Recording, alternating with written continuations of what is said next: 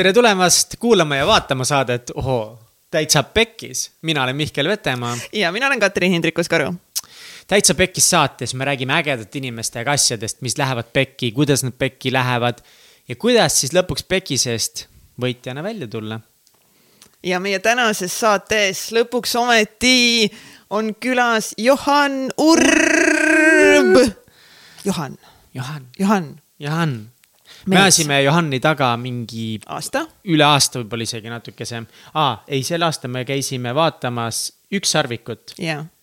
koos Katsiga mm -hmm. ja, ja täpselt sealt kinosaalist välja astus, me tegime kohe Johannile video. ja läks aasta aega.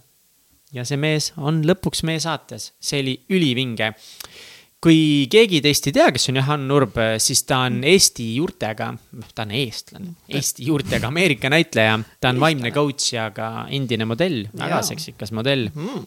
ta oli äh, seitsmeteistaastane, kui ta kolis Ameerikasse, et siis hakata seal modellikarjääri taga ajama ning äh, tema teekond sealt edasi viis ta näitlemiskooli ning lõpuks ta jõudis siis äh, filmidega maailma vaatajate ette. ma loen teile kohe kõik filmid ette nüüd kõik. jah, tema esimene suur film oli Zoolander. ja, ja ta on ka lisaks filmidele olnud siis erinevates seriaalides nagu NCIS. aga Zoolanderis ta oli, eh, mängis ühte turvameest ses mõttes. kus kohas? Zoolanderis. nii, nagu aga see oli nagu jah, aga tema esimene suur film siiski. aga see mega suur mega, film. mega, come on, eestlane oh.. uh, uh.. väga crazy. Resident Evil mm. -hmm. Resident Evilis ta mängis seal ikka täitsa nagu põhivendana või noh, nagu semipõhivenda möllas relvadega ringi. ja võib-olla üks kõige kuulsamaid siis, kus ka mina tema kohta põhimõtteliselt noorena esimest korda teada sain, oli Mägi sari, ma tahtsin öelda Sari Mägi, Mägisari oli Mägisari, The Mountain, kus ta siis mängis ka ühte peategelastest.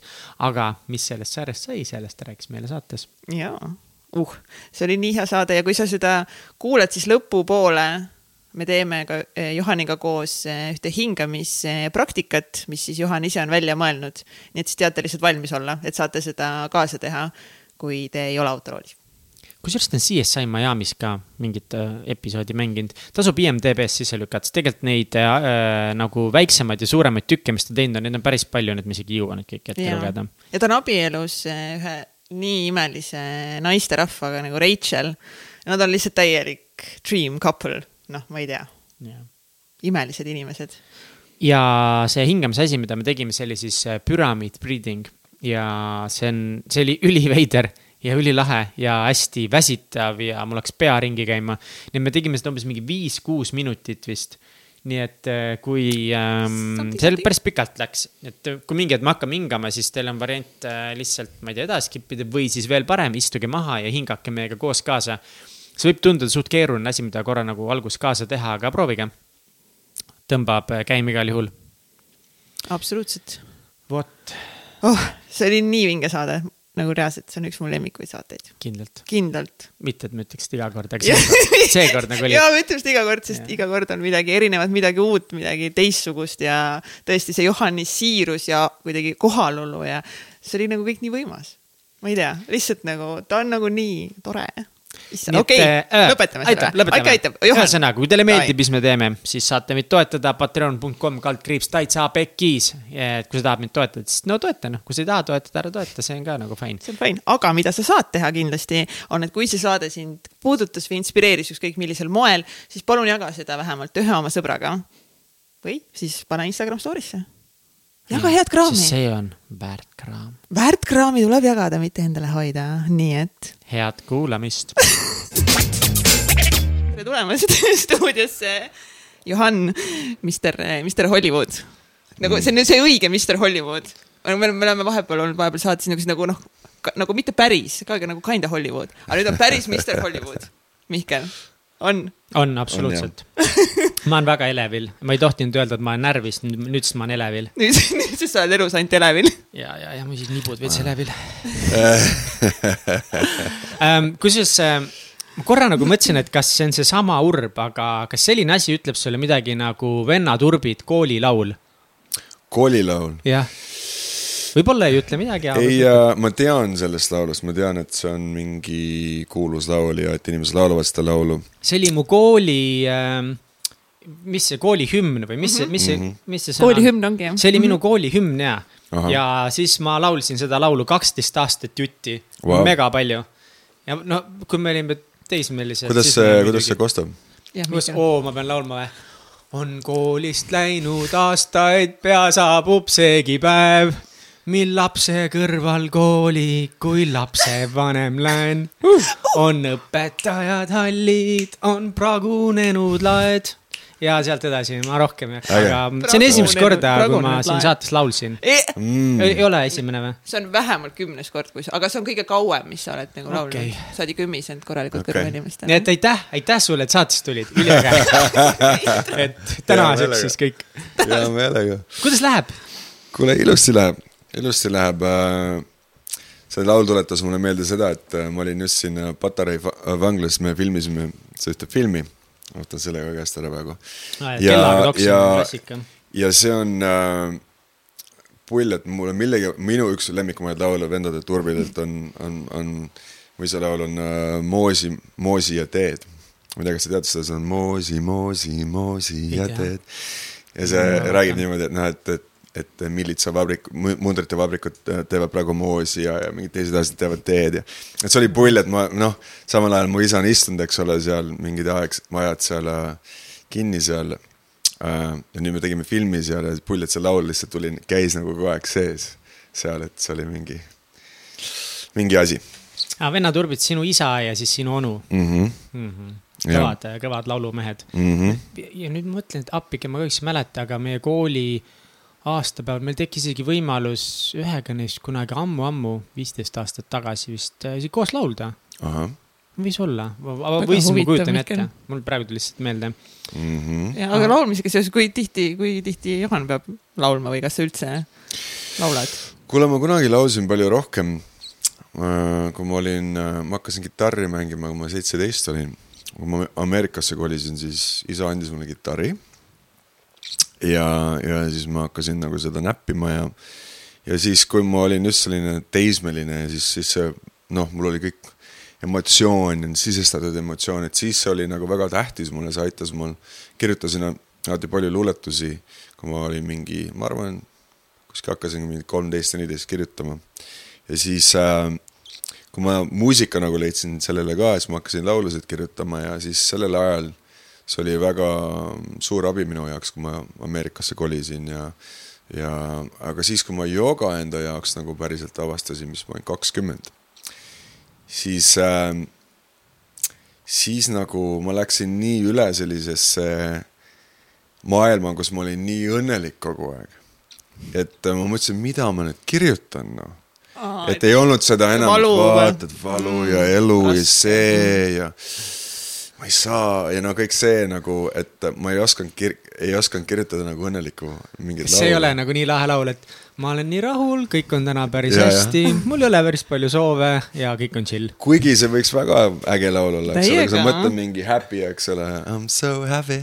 aga kas see on happy on see laul, mis selle laulu nimi on, see yeah., see, mis ta on nüüd? Mm -hmm. Happy. äge laul, eks ole, aga jah, noh, ma ei olnud nii. aga kuidas sa üldse sattusid äh, Ameerikasse?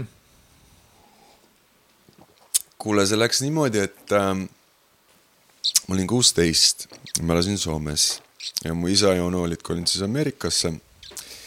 ja siis tekkis võimalus neile korra külla minna sinna es esmakordselt.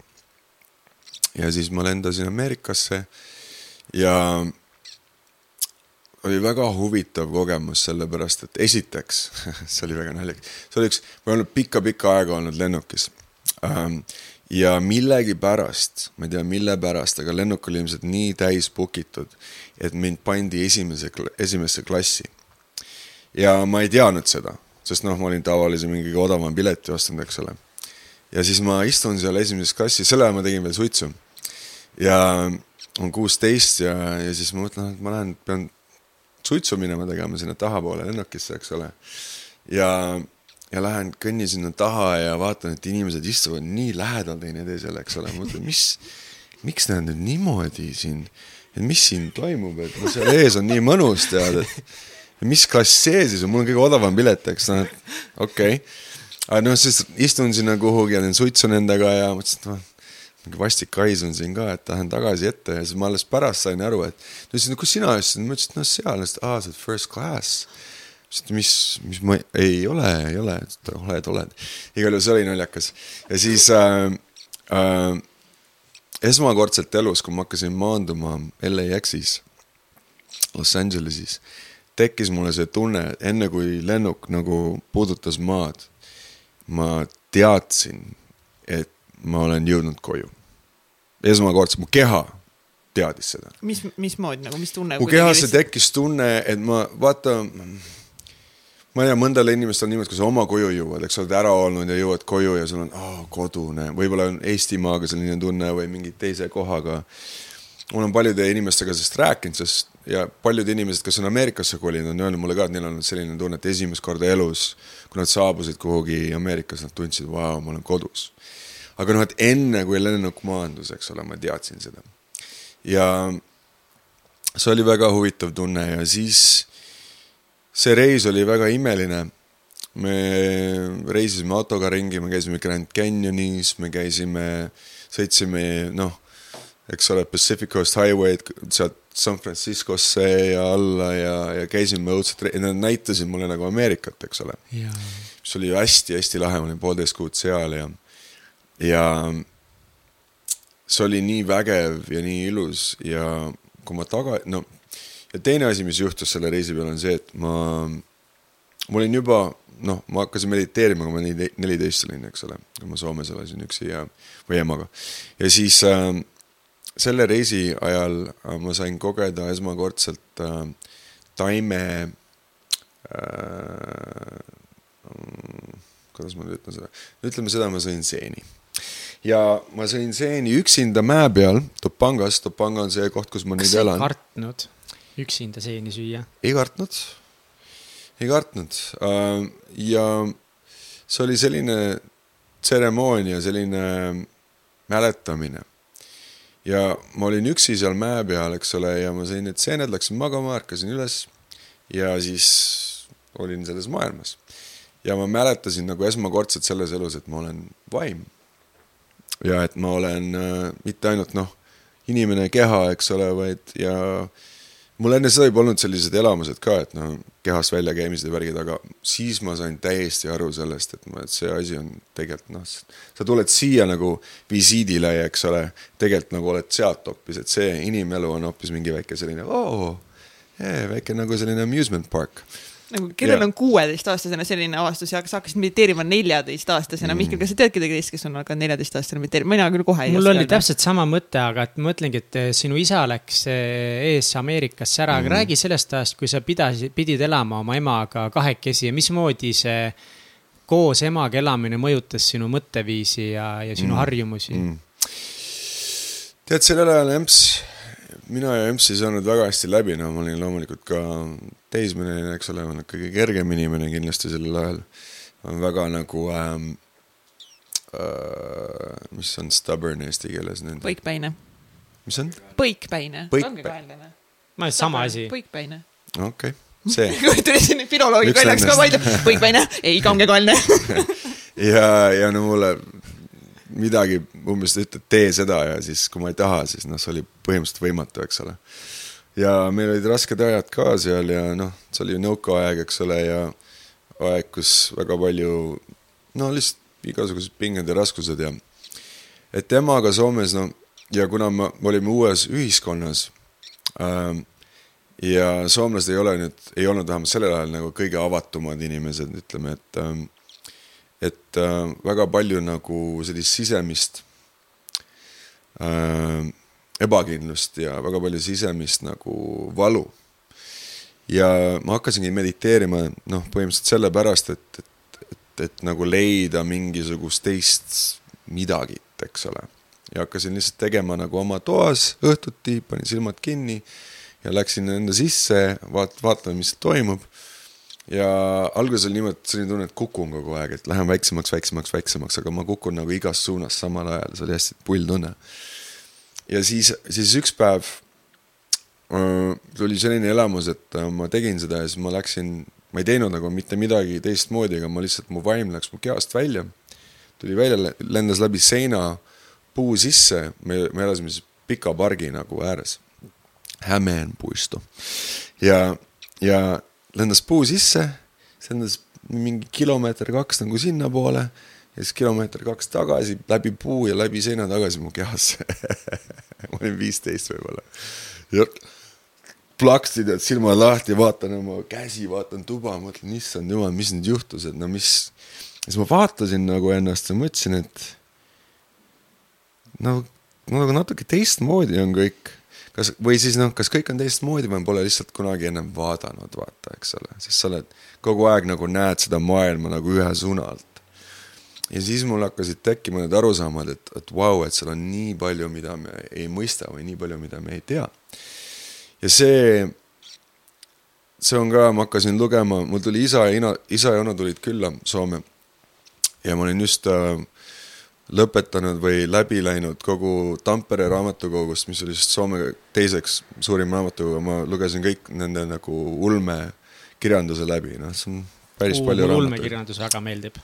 ja, ja sci-fi oli mu täielik mm, -hmm. ikka on veel, ma olen nagu yeah aga mul on väga hea meel, et filmid on nüüd nii kaugele jõudnud, see, noh, nad saavad nüüd mm. teha seda kõike mm -hmm. niimoodi, näeb mm -hmm. hästi välja, eks ole. ma pean kohe küsima, mis olid mm -hmm. mõned head ulmeraamatud, mida sa lugesid wow,? no neid on palju. ma arvan, et äh, mu lemmikumad sellest ajast kindlasti Foundation, mis on siis Asimovi, ma ei tea, mis see eesti keeles teada on äh,? ma ei tea selle nime, aga mul on Aha. see just, ma tahan, hakkan seda kohe varsti lugema, sest sellest tuleb nüüd sari ka välja Netflixis oh jaa, Foundation'it nad pikka aega on tahtnud sellest teha, sest see on ka mingi tegelikult kultusraamat ja, ja seda on väga nagu uh,. see oli väga hea uh,. mis ma mõtlen veel sellel ajal uh,. Need on jälle need soomekeelsed nimed ja kõik nendest on pikka aega möödas uh,. Stranger in a strange land, mis on Heinlein uh, on väga-väga-väga hea raamat, ei tea jälle eestikeelset nime. Need, need kaks raamatut me peame nüüd oma show notes idesse panema kindlasti, mida me nüüd see hooaeg teeme, kindlasti yeah.. aga ma hüppaksin teemal uh mhm. -huh. korra äh, nagu ajas veel tsipa tagasi, enne kui me lähme USA-sse. on see, et, et ikkagi mis olid need nagu päriselt need raskused või mis su elus oli raske, kas sa tundsid ennast halvasti või kas sa ei olnud oma eluga rahul, et sa reaalselt otsisid nii kaugele mingisugust abi nagu mediteerimine, et see mm -hmm. ei mhm. tule noorel mehel ikka päris niisama, et ah, ma noh, et. jaa, see, no ma läksin Eestist ära, eks ole, kui ma olin kümneaastane ja nõukaajal see oli ikka veel päris sügav nõukaaeg selles mõttes, et ei olnud nagu sellist mingit tunnet, et oo oh,, et see üks päev muutub, see oli kaheksakümmend seitse. ja ja ma jätsin noh, kogu oma pere, ühiskonna kõik siia, eks ole. ja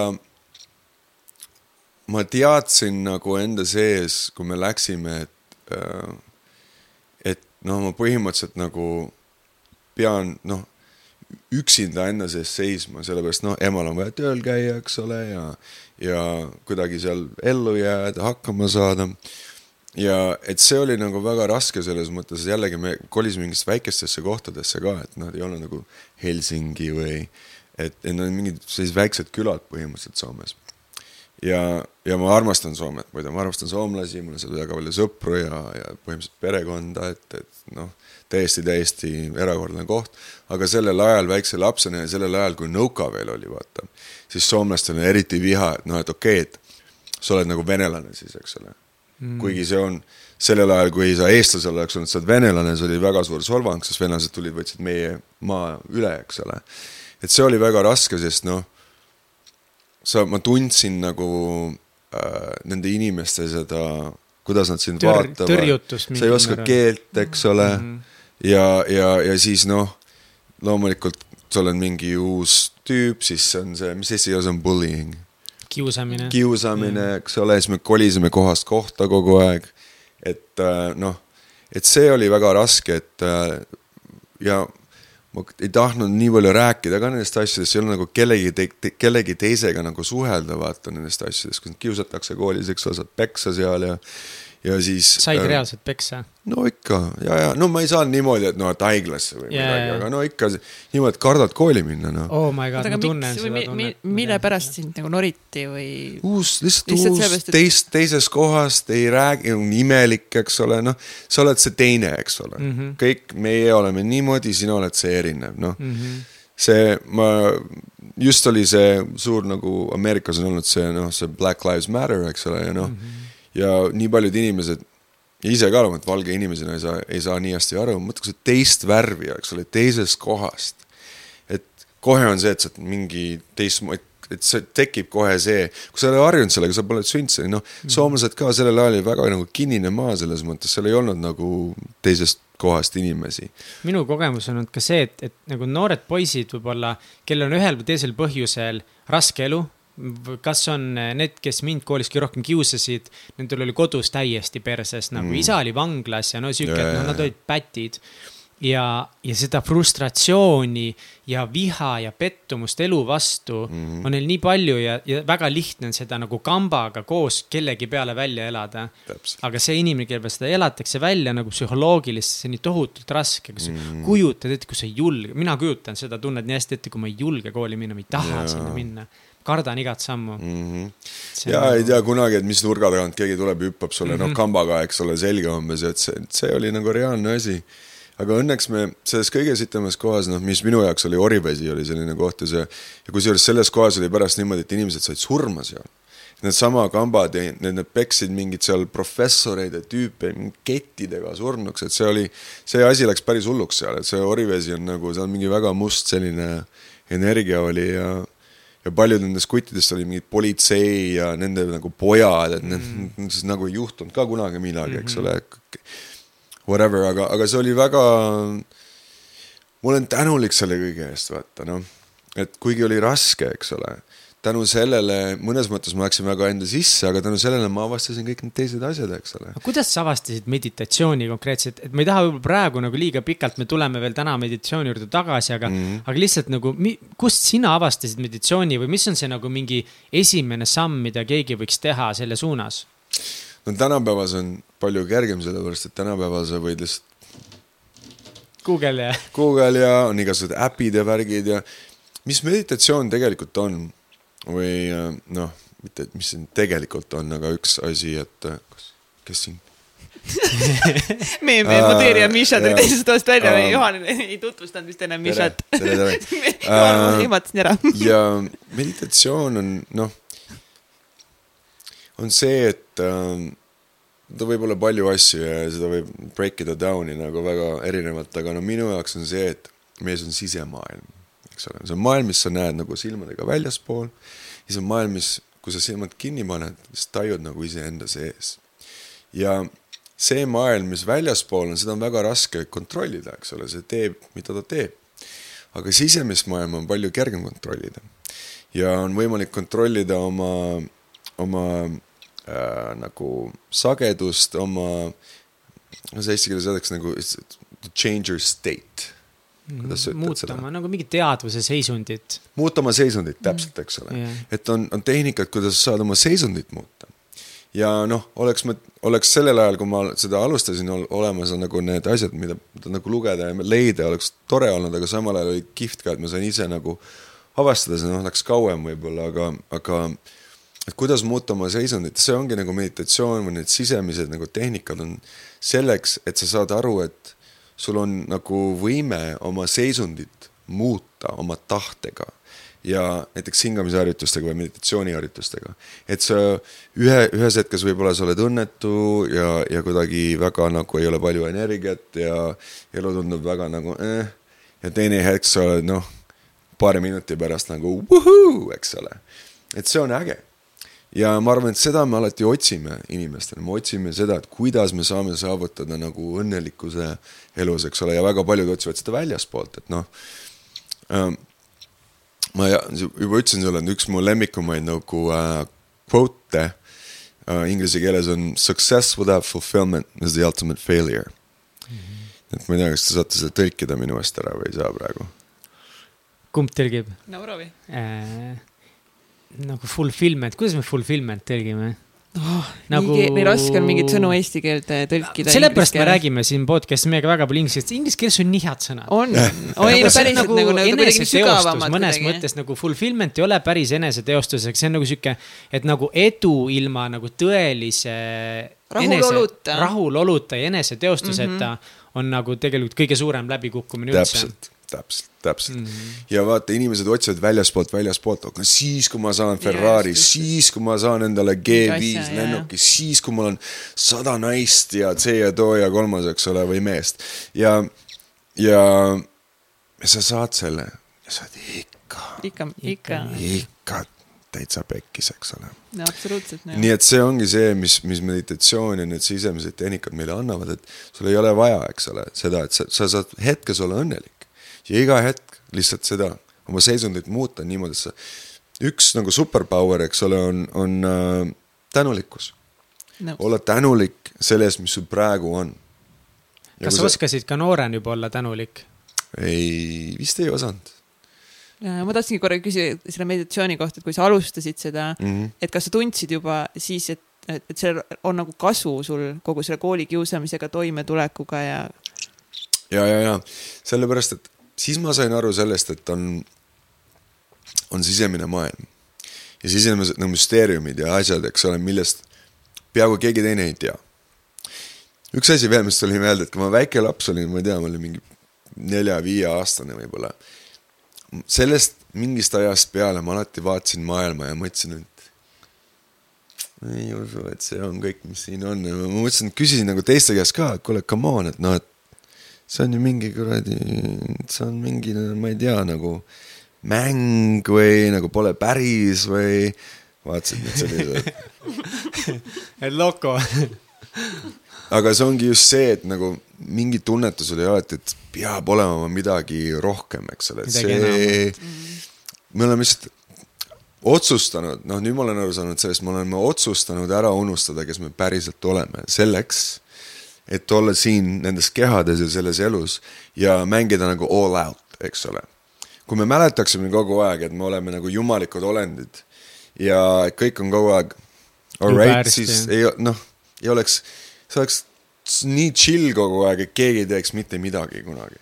et noh, et kui sa, sa mõtled, see on nagu see nagu lõbustuspark, eks ole, kui me tuleme, aga kui sa unustad ära, oo, vot siis on äge, siis, siis, siis sa oledki see inimene ja siis kõik on nagu tähtis ja siis sa peadki niimoodi elama ja, aga mulle meeldib teha seda, et kui on see nagu sees, et ma mäletan ka, et aa, et see on samal ajal, et see on, see on tegelikult nagu mäng, eks ole.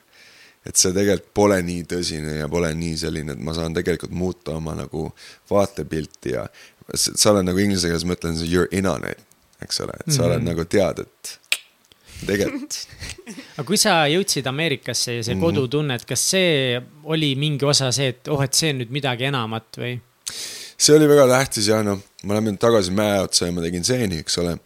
ja ma mäletasin, et ma olen vaim ja ma nägin igasuguseid erinevaid sagedusi ja visioone ja, ja ma naersin mitu-mitu tundi, sest see oli selline nagu tuli peale selline relaxed selline olemine, siis ma mäletasin, et see ei olnud, et see on see inimolemine on ainult mingi osa meist, eks ole. ja pärast seda, äh, kui ma kohe nagu enne, kui ma Soome tagasi lendasin, ma istusin maha äh, mäe tipus on, on selline koht, kus ma vaatasin nagu alla ja siis see on, seal all on nagu ookean ja päike oli loojumas, see oli väga ilus hetk ja ma tegin nüüd palve ja mu palve oli selline, ma ütlesin, et vaimud, et ma tean, et ma pole siit pärit. aga see on, mul on selline tunne, et see on mu kodu. ja ma tundsin seda kohe, kui ma siia saabusin ja eriti Topanga, see, kus ma praegu olen ja see elamus siin ja ma lihtsalt tunnen, et see on mu kodu. ja ma, ma väga loodan ja palvetan, et ma saaks siia kunagi tagasi tulla ja võib-olla siin isegi elada üks päev. Hashtag ma elan seal praegu ja äh, ja ma ütlesin selle palve ja siis läksin tagasi Soome, eks ole, ja siis iga päev, kui ma Soomes olin või ka õhtu, iga päev ma palvetasin, et vaimud, come on, et tagasi Soome läksin, mõtlesin, see küll ei ole minu koht, see küll ei ole minu koht, et nüüd tagasi Ameerikasse, eks ole, siis järgmine aasta, see aasta tähendab, kui ma olin Ameerikas, kui ma olin kuusteist, siis seal olid mingid mu isa ja onu sõbrad, kes olid nagu äh, filmi industry's ja modelli induse industry's ja ütlesid, kuule, et su poeg on nagu, näeb väga hea välja, et äh, ta võiks ju modell olla või midagi taolist ja no ma olin just saanud välja sellist hästi-hästi-hästi awkward nagu mingit kasvu sellest, noh, on selline pikk ja imelik ja. mingist veidrast kasvufaasist. ja täpselt ja ise arvasin, no et ma olen ikka selles, et ma ei, kunagi keegi ei olnud niimoodi, et vau, et Johan, et kurat. sa oled kompu Babesid ja mingid naised või et see oli täiesti Soomes, ma ei tea, see ma hakkasin naerma selle peale, nad ütlesid mulle, et ja, ja, ja. et sa võiksid okay, minna modelliks Ameerikasse. see oli täiesti, täiesti minu jaoks, ma mõtlesin, et tegin nalja. aga siis, kui ma tulin tagasi Soome, kui ma kuusteist olin, siis ma rääkisin emale sellest ka, ma ütlesin, et nii veider, nad ütlesid, ema ütles, aga kuule, et kui sa modelliks hakkad, siis võib-olla sa saad nii palju raha kokku, et sa järgmine aasta saad jälle Ameerikasse minna. ma ütlesin, et äh, kus see esi-, kus mingi modelliagentuur siis on, et äh, davai, läksin kohale mul täiesti oli nagu lightbulb nagu ting. ja läksin kohale ja nad ütlesid davai, et loomulikult Soomes pidin, ma pidin nagu, seal tehti mingi nagu modelli koolitus, eks ole, et sa pidid maksma mingi raha ja siis nagu täielik bullshit loomulikult, see on mingi lihtsalt nad, suurem osa inimesi seal oli noh. Nendest ei saa kunagi modellid uh,, lihtsalt, aga nad väga tahtsid, eks ole mm, -hmm. ja siis mhm. nad võtavad nende raha, aga minust õnneks sai ja ma hakkasin kohe nagu põhimõtteliselt kohe nagu tööle. ja siis ma sain nii palju raha, et ma sain lennu, mitte ainult lennupileti osta, vaid mul oli natuke raha isegi üle. aga mis olid su esimesed mingid modellitööd, mis sa tegid? oi, mul on selline väga hea mälestus ähm,. Soomest ma tegin nagu fashion show'd. ja seal oli noh niimoodi, et ma olin, ma olin kuusteist, eks ole nüüd ja mu keha on ikka nagu väga selline, ei ole veel midagi kuskil. ma ei hakanud keha nagu arenema tegelikult, kui ma alles mingi kakskümmend olin, enne seda olin alati selline hästi kõhn ja, ja nägin noh, nagu tüdruk välja peaaegu. ja ma näitan, teile pilte näidata, et see on päris, päris naljakas. ja siis. ja ma võin kuskilt leida ja saata teile. ja siis äh,, siis selline show oli keset talve et nagu show mingi see runway siis oli nagu väljas, eks ole, seal on väljas on külm, eks ole. aga siis äh, osa nagu asjadest, mis sa selga paned, on nagu speedo, eks ole. ja siis sa teed mitte, sa lihtsalt ei nagu tavaliselt show'l, et sa nagu jalutad lõpuni, jalutad tagasi, siin sa pidid tantsima. ja siis ma olen mingis väga sellises väikses speedos oma lapse kehaga, eks ole, hästi awkward, kuusteist ja mingid teised, noh, mingid kaks meesmodelli seal on sellised härjad, tead, minu kõrval, eks ole, mingid kahe või kolmekümne aastased mehed. ja ma mäletan, et ma olin harjutanud siis mingit nagu tantsu, tead, värki, et sa lähed välja ja sa teed mingid. mingeid liigutusi. mingeid selliseid, eks ole. ja ma läksin siis nagu välja seal ja üksinda ja seal väljas oli võib-olla mingi kaks nagu vanemat inimest või kolm ja siis mingi umbes kümme minu vanust. umbes oli ja kes siis hakkasid nii kõvasti naerma oh. nii kõvasti naerma, et äh, ma ei tea, ma tõesti, see tunne oli nagu erakordne. ja ma saan aru, sest ma ise oleks ka ilmselt naernud, noh. mingi imelik tüüp seal proovib mingi esimene fashion show tead, et see naerdakse lava pealt ära. ja et see oli väga awkward see on awkward eesti keeles? ei, piinlik. piinlik, piinlik, piinlik, imelik, ebameeldiv, jah. ma oleks seda. kindlalt naernud täiega. ja, ja uh,. kahju, et meid seal ei olnud. ja, ja siis see oli selline väga huvitav elam-, elamus ja noh, kindlasti jah, ei olnud kõige kõige meeldivam loomulikult see, et sa oled väljas, eks ole. inimesed rõõmsaks, neil oli ilgelt hea tuju. ja, ja, ja Spido ja sul on külm ja sa kardad, eks ole, see tähendab, et su nokku on umbes nii suur. sul on Spido jalas, eks ole. ülitäit ka veel. ja, ja, ja, ja noh, selles vanuses, eks ole, sa oled nii noh, mis inimesed arvavad sinust, see tähendab ju nii palju tegelikult ja see oli kuidas sa USA-s alustasid oma modellikarjääri, kui nagu, kui suur hüpe see nüüd oli kuskilt äh, talvisest Soomest äh, speedodega mingi kahtlasel laval hüpata siis otse USA modellimaastikku? see oli huvitav, kui ma tagasi läksin, siis ähm, äh, no ma olin seal mingi pildid Soomest teinud, mis olid väga kehvad. Ja ja siis, kui ma tagasi läksin siis mu isa ja onu viisid kokku mingi inimesega, jällegi me läksime peole ja keegi midagi mainis umbes ja siis too teadis mingi väiksema agentuuri nagu omanikku. ja siis ma sain tollega kokku, see ütles kohe, et jaa, kindlasti teeme. sest seal Ameerikas vaata, ma olin nagu rohkem nagu eksootiline või teistmoodi või noh seal nagu sinine silm ja, ja blond pea nagu oli nagu vau wow,, cool, Soomes kõigil on sinine silm ja blond pea, et see ei ole mingi asi nagu Eestiski põhimõtteliselt, eks ole. ja siis ütles davai.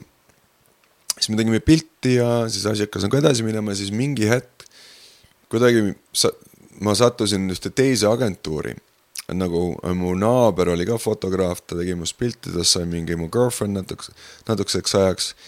ja siis ta viis mind Wilhelmina agentuuri see oli üks suurimaid agentuure mm.. ja seal öeldi ka paugu pealt põhimõtteliselt, et jess, me võtame su, me oleme väga huvitatud.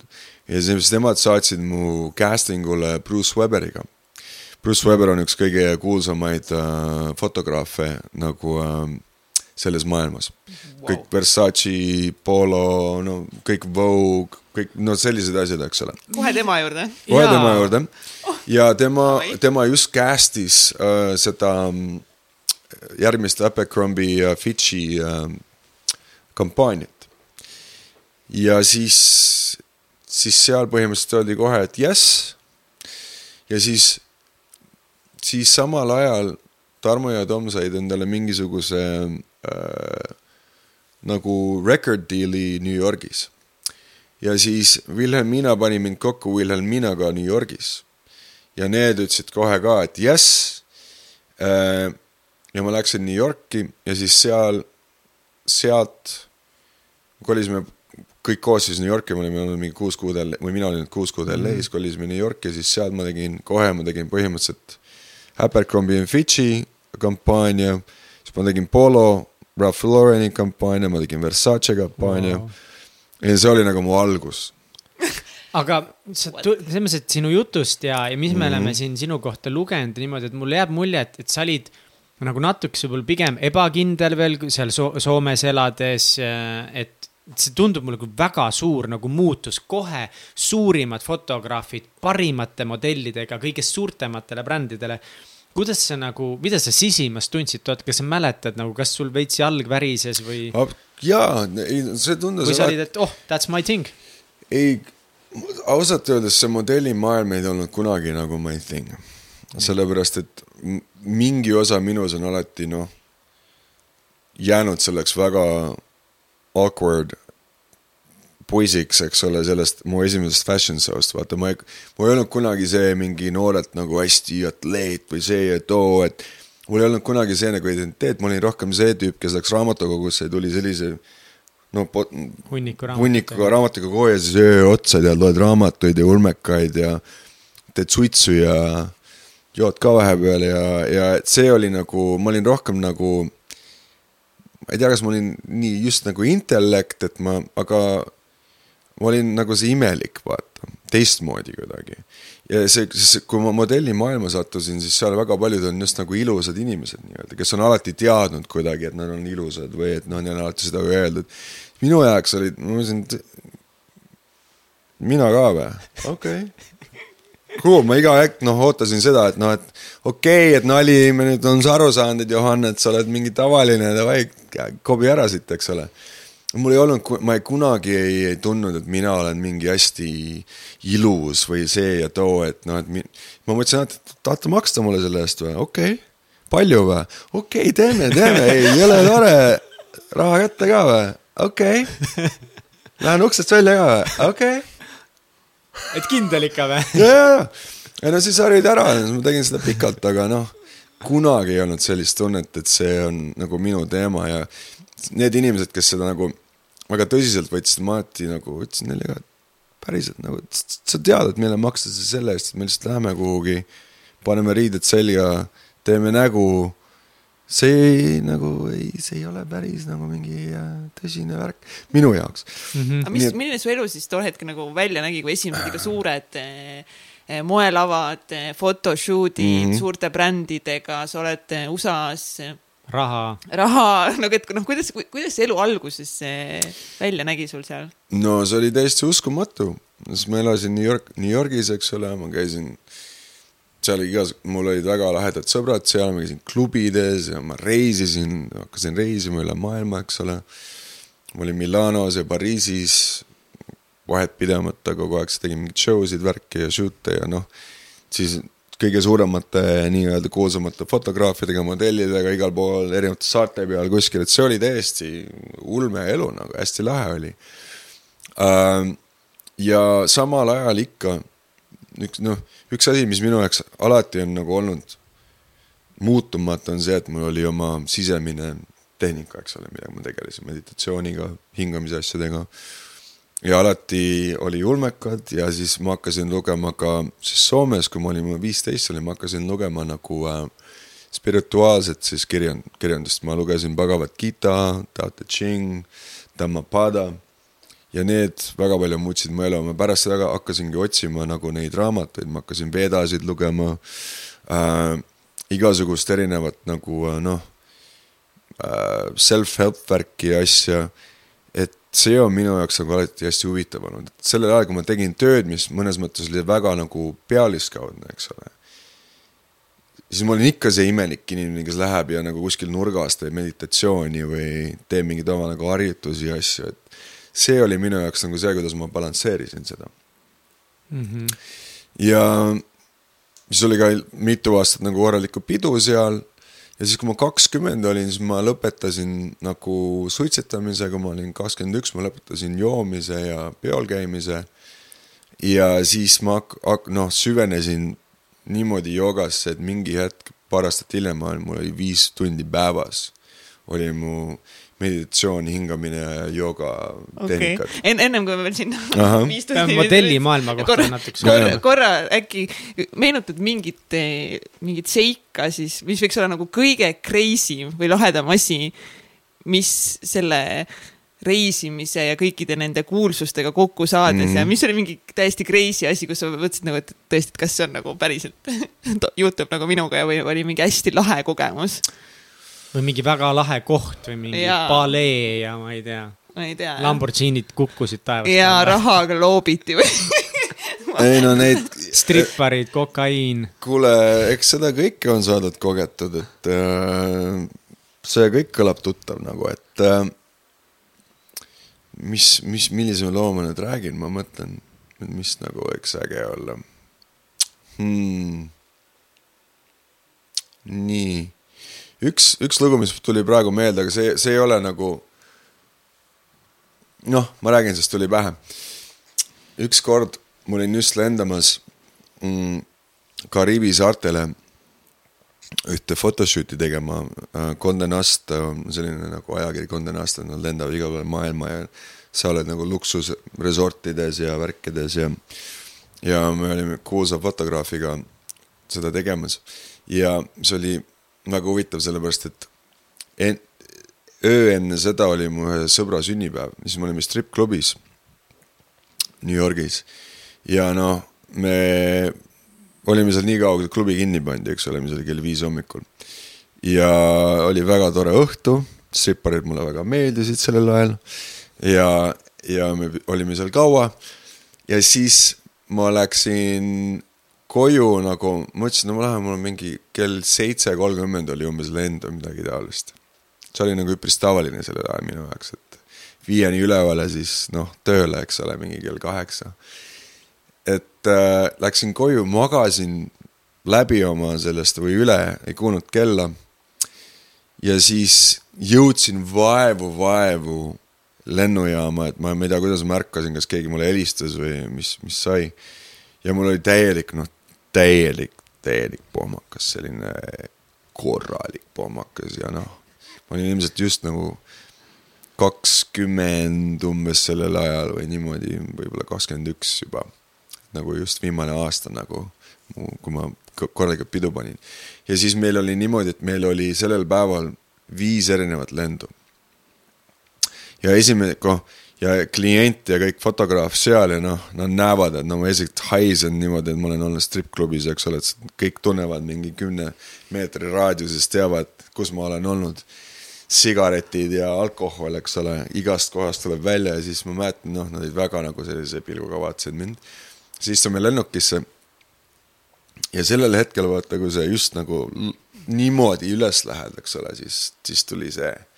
nii et klient, kõik istuvad siin kõrval, siis ma rahulikult, no mitte rahulikult, aga vöö lahti, jooksen siis tagasi, eks ole, peldikusse, mis paar rida tagasipool on uks lahti ja siis öögin, karjun, karjun, potti see asi lööb mulle pähe, eks ole.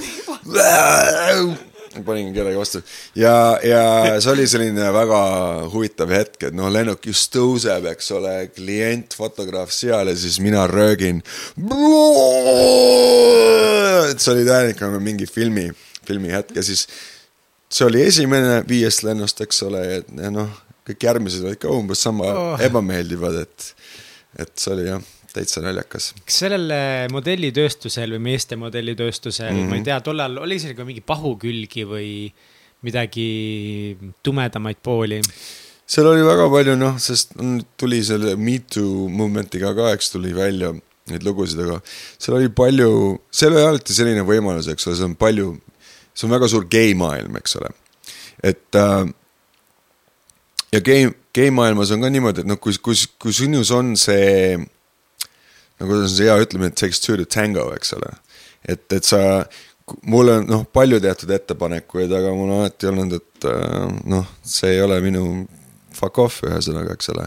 aga paljudele kuttidele see, isegi kui sa oled straight või sa mõtlesid, et okei okay,, et kui ma teen midagi, eks ole, et siis võib-olla nagu ma edastan oma karjääri nagu just nagu Hollywoodis on, eks ole, asjad ja see oli osa sellest, mis ma kuulsin nagu paljusid lugusid, et noh, et põhimõtteliselt käib see, et nagu vanemad mehed siis seksivad, eks ole, noorte kuttidega, kes on mingi kuusteist, seitseteist ja niimoodi, nad tahavad lihtsalt nagu modelliks saada, eks ole mm. -hmm. ja, ja, ja siis sellised nagu mustad asjad, tumedad asjad kindlasti toimusid mm. -hmm. ja no et sulle pannakse mingi droog ja jootakse täis ja siis ja et noh, et. see on üks väheseid valdkondasid, ma kujutaks ette mm., kus seda tehakse ka meestega tehakse seda, sest nagu naistel on noh, isegi pea, noh, ma isegi ei tea, aga nagu igal pool on seda, kus mm. eriti nagu vanasti nagu Hollywoodis, kui palju on naisi ära kasutatud, et aa, et no siis ma sebin sulle mingi diili.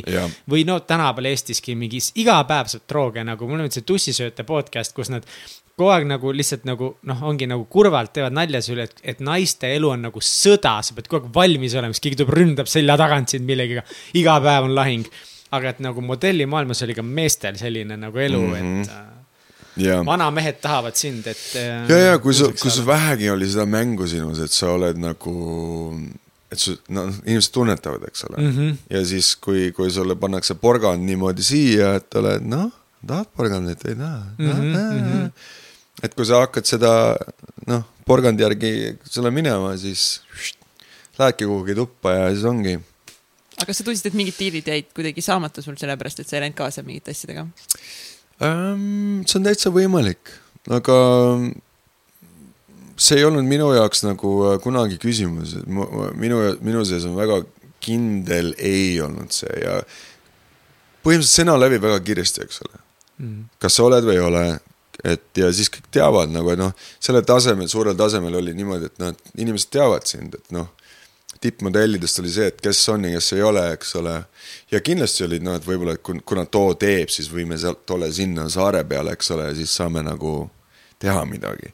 aga see ei olnud lihtsalt minu, minu maailm, ma tundsin inimesi ja noh, jällegi, eks ole seksuaalsusest rääkides, võib-olla need kutid olid ka noh, võib-olla neile meeldis või võib-olla biseksuaalsed või lihtsalt see, et noh, et see nagu kuidagi mõtlesin, et käis, käib nagu asja juurde, eks ole. et see jällegi noh, oleneb, kust nurga alt sa vaatad, aga kindlasti oli ka lugusid, kus see oli põhimõtteliselt vägistamine. mm. -hmm. ja noh, joodeti täis või troogid sisse ja siis noh see modellimaailm üldse tundub mulle nagu see nii ebarealistlik, ma olen kuulnud ka edukate Eesti naismodellide mingeid lugusid või, või isegi, kes ei ole mingis tipu tipus mm, -hmm. aga mhm. lihtsalt. mit-, lihtsalt see, et, et sa oledki neliteist, viisteist ja kuusteist ja see on nagu okei okay,, et nüüd sa lendadki mööda maailma ringi mingisuguste vanade produtsentide, fotograafide juurde, sa ei ole kodus oma perega või mingi. kes laseb viieteistaastase tüdruku mm. Pariisi mingisugusele moeõhtule pesus kõndima, nagu okei okay,, ma saan aru, et see alati võib-olla ei ole selline, see tundub mulle lihtsalt nii crazy, sest mm. kui ma olin neliteist ma mängisin Diablo kahte normaalselt ja arvasin, et koolis ei pea käima. kus on mul see judgment, et nagu mulle antakse raha ja mingi kokaiini ja ole kontsades, mida fuck'i nagu. ja, ja see on. ma ei saa aru sellest. see on, see on tõesti, see on fucked up. see on fucked up. ja palju fucked up asju juhtub, eks ole, ja, ja, ja noh, paljud, ma just lugesin mingit artiklit just, et äh, mingid noh, Saudi, eriti Saudi need printsid ja tüübid, eks ole, et no kogu aeg nagu casting, eks ole, uus girlfriend jälle ja noh, see on lihtsalt põhimõtteliselt prostitutsioon väga paljudel mm. palju, väga paljudes mõttes, kui sus on see mäng, eks ole, või sa ei tea või keegi ei ole sinu eest seisnud, siis on väga kerge libiseda nagu sellele, et aa, et see käibki nagu asja juurde mm.. eriti kui sulle on keegi noh, sosistab õigeid asju, eks ole mm, -hmm. ja see on okei okay ja kõik teevad ja nii käibki ja ei, ma lihtne. kindlalt läheks, kui ma oleks viis, kus keegi pakuks mulle mingi Saudi Araabia printsi juurde siit ajaks raha saab, ma olen juba lennukil no ma ei tea paremini, ma juba teen, ma olen juba kohal. aga sa sellel ajal tundsid eh, ka seda, et, et noh, I have made it, et nagu mul on nüüd glamuur, reisimine, suured brändid, et noh, nüüd ma olen nagu noh, nüüd on mu elu nagu tehtud juba. Ausalt öeldes ei, see läheb tagasi selle juurde, et see modellimaailmas nagu see alati tundus nagu ulme minu jaoks, vaata. see ei olnud see, jällegi fulfillment, eks ole, see sõna fulfillment, see tunne, et vah, see on see asi, eks ole, vau, et see annab mulle selle sügava nagu tänutunde või et ma, saan, ma teen midagi, mis tähtis on või et see ei olnud see, see oli lihtsalt viis raha teha, reisida, väga ägedat elu elada ja kauem nagu mõelda, et mis ma päriselt teha tahan mm -hmm. siis, eks ole. et see oli minu jaoks alati see, et noh, et okei okay,, et lapsepõlv jätkub, eks ole, ma saan lihtsalt teha, mis ma tahan ja käia mööda maailma ringi ja on lõbus ja tore ja oh,. mega lahe. kuidas see shift äh, toimus, see modellikarjäärist näitleja, näitlejakooli minemisest? minemisest. ma olin, ma elasin. New Yorgis, New Yorgis ja, ja mingine tüüp, kes pärast, päris kriip oli äh,. mis on kriip eesti keeles? ma ei tea, perv võib-olla. pervo jah, täpselt. selline vanem, vanem mees äh,. ta oli üks mu agentide sõber ja jällegi selline noh, situatsioon, et kindlasti mõne teise inimesega ja mitu korda ilmselt juhtunud, et noh, et leiab mingi ilusa poisi või mehe ja siis nagu armub niimoodi ära või noh, on see, et ma teen sinust tähe ja, ja see ja see, eks ole ja aga mulle inimesed alati huvitavad olnud, et noh, ma tean endas ka seda, ma olen noh, põhimõtteliselt väiksest peale ka teinud äh, nagu võitluskunste ka, et no ma tean, noh, ma sulle kurku löön, siis noh, siis sa enam ei proovi vägistada mind, eks ole. naistele väga hea teadmine. et kuidas nagu keegi tuleb kunagi vägistada, silmad, kurk, munad, game over. nii et lihtne ähm,. ja aga siis inimene oli huvitav ja siis ta ütles, kuule, et sa, sest ta oli selline vanem nagu juudi mees, selline, ta rääkis sellise häälega. sinust peab tulema näitleja, tead, sa pead, ma tunnen seda, kurat, et sul on seda, et seda, seda asja vaata, ma tean, ma näen, et sul on see ja. ta oli selline üpriski kuulus äh, äh, mingi PR, eks ole, inimene New Yorgis uh. -huh. alati rääkis, mina olen see, kes tegi nagu I love New York, et see oli nagu minu asi. mina olin see, kes päästis New Yorgi tead ja kasus on see, et sa, kuule, sa pead. ja mind nagu näitlemine põhimõtteliselt kunagi ei huvitanud, ma mõtlesin, aga mõtlesin, et okei okay,, et huvitav jutt. alati olen seda kuulnud väiksest peale, et ah, sa oled mingi selline, tead, sulle meeldib nagu olla see klassi nagu, mis see nüüd on? kloun, täpselt, no nalja teha ja kõike seda, et perekonnad on palju näitajaid loomulikult ka ja, ja siis mõtlesin, et davai, et ta ütles, kuule, et kui ma saan sulle selle scholarship'i, mis on scholarship? stipendiumi. stipendiumi, et Lee Strasbergi instituuti, et kas läheb proovid äkki? davai, et noh, ei maksa midagi, siis ma lähen proovin. ja läksin siis proovima ja see oli üks kõige, kõige nagu, mis on scary? hirmus. see oli hirmutavamaid jah, asju, mida kunagi näinud olen, see oli nii nagu nii äh, raske oli minu jaoks, aga samal ajal mulle õudselt meeldis. siis ma mõtlesin, et davai, et ma võin seda proovida, et noh, see on selline huvitav asi.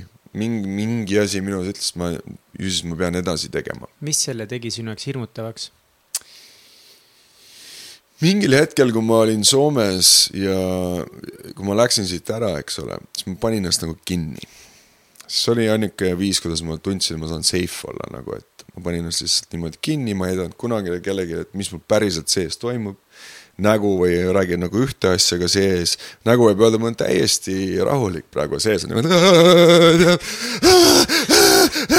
nägu on selline, et kõik on korras, eks ole.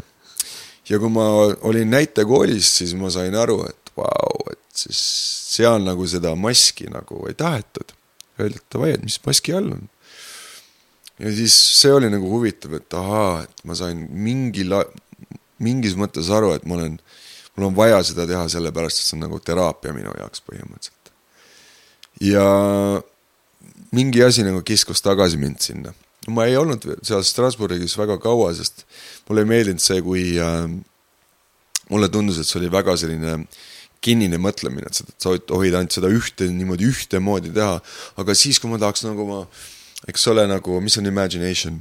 kujutlusvõimet kujutlusvõimet ka kasutada, ei, ei, ei, ei, ei, seda me siin ei tee, me kasutame ainult seda. sihuke väga klassika. ja, ja, ja väga, no väga kinnine see, ainult oma elust kasutada midagi, mis juhtunud on ja noh, see on mingi kakskümmend aastat vana, mis juhtunud on, et noh, et äh,. ja siis ma, ma proovisin nagu teisi kohtasid ka, teisi inimesi ka ja ma nagu jätkasin seda ja see ei olnud nagu, see oli lihtsalt nagu hobi põhimõtteliselt minu jaoks, et see ei olnud nagu see, et must peab näitleja saama, eks ole, nagu paljudel on. see ei olnud nagu kirg minu jaoks sellel ajal ja siis ähm, üks päev siis oli mingi, mul oli nagu ka mingi nagu, kui ma olin Fordis sellel ajal, siis Fordis oli ka nagu osakond, kus olid siis nagu näitlejad osa näit-, nendest modellidest olid ka näitlejad, siis nad võtsid mind ka nagu, et sa õpid, okei okay,, et davai, et võib-olla mingi, teed mingi neid reklaame, värke, eks ole. aga siis tuli Zoolanderi äh, casting tuli. siis ta ütles, et davai, et sa ka oled näitamist õppinud, saadeti mind sinna siis.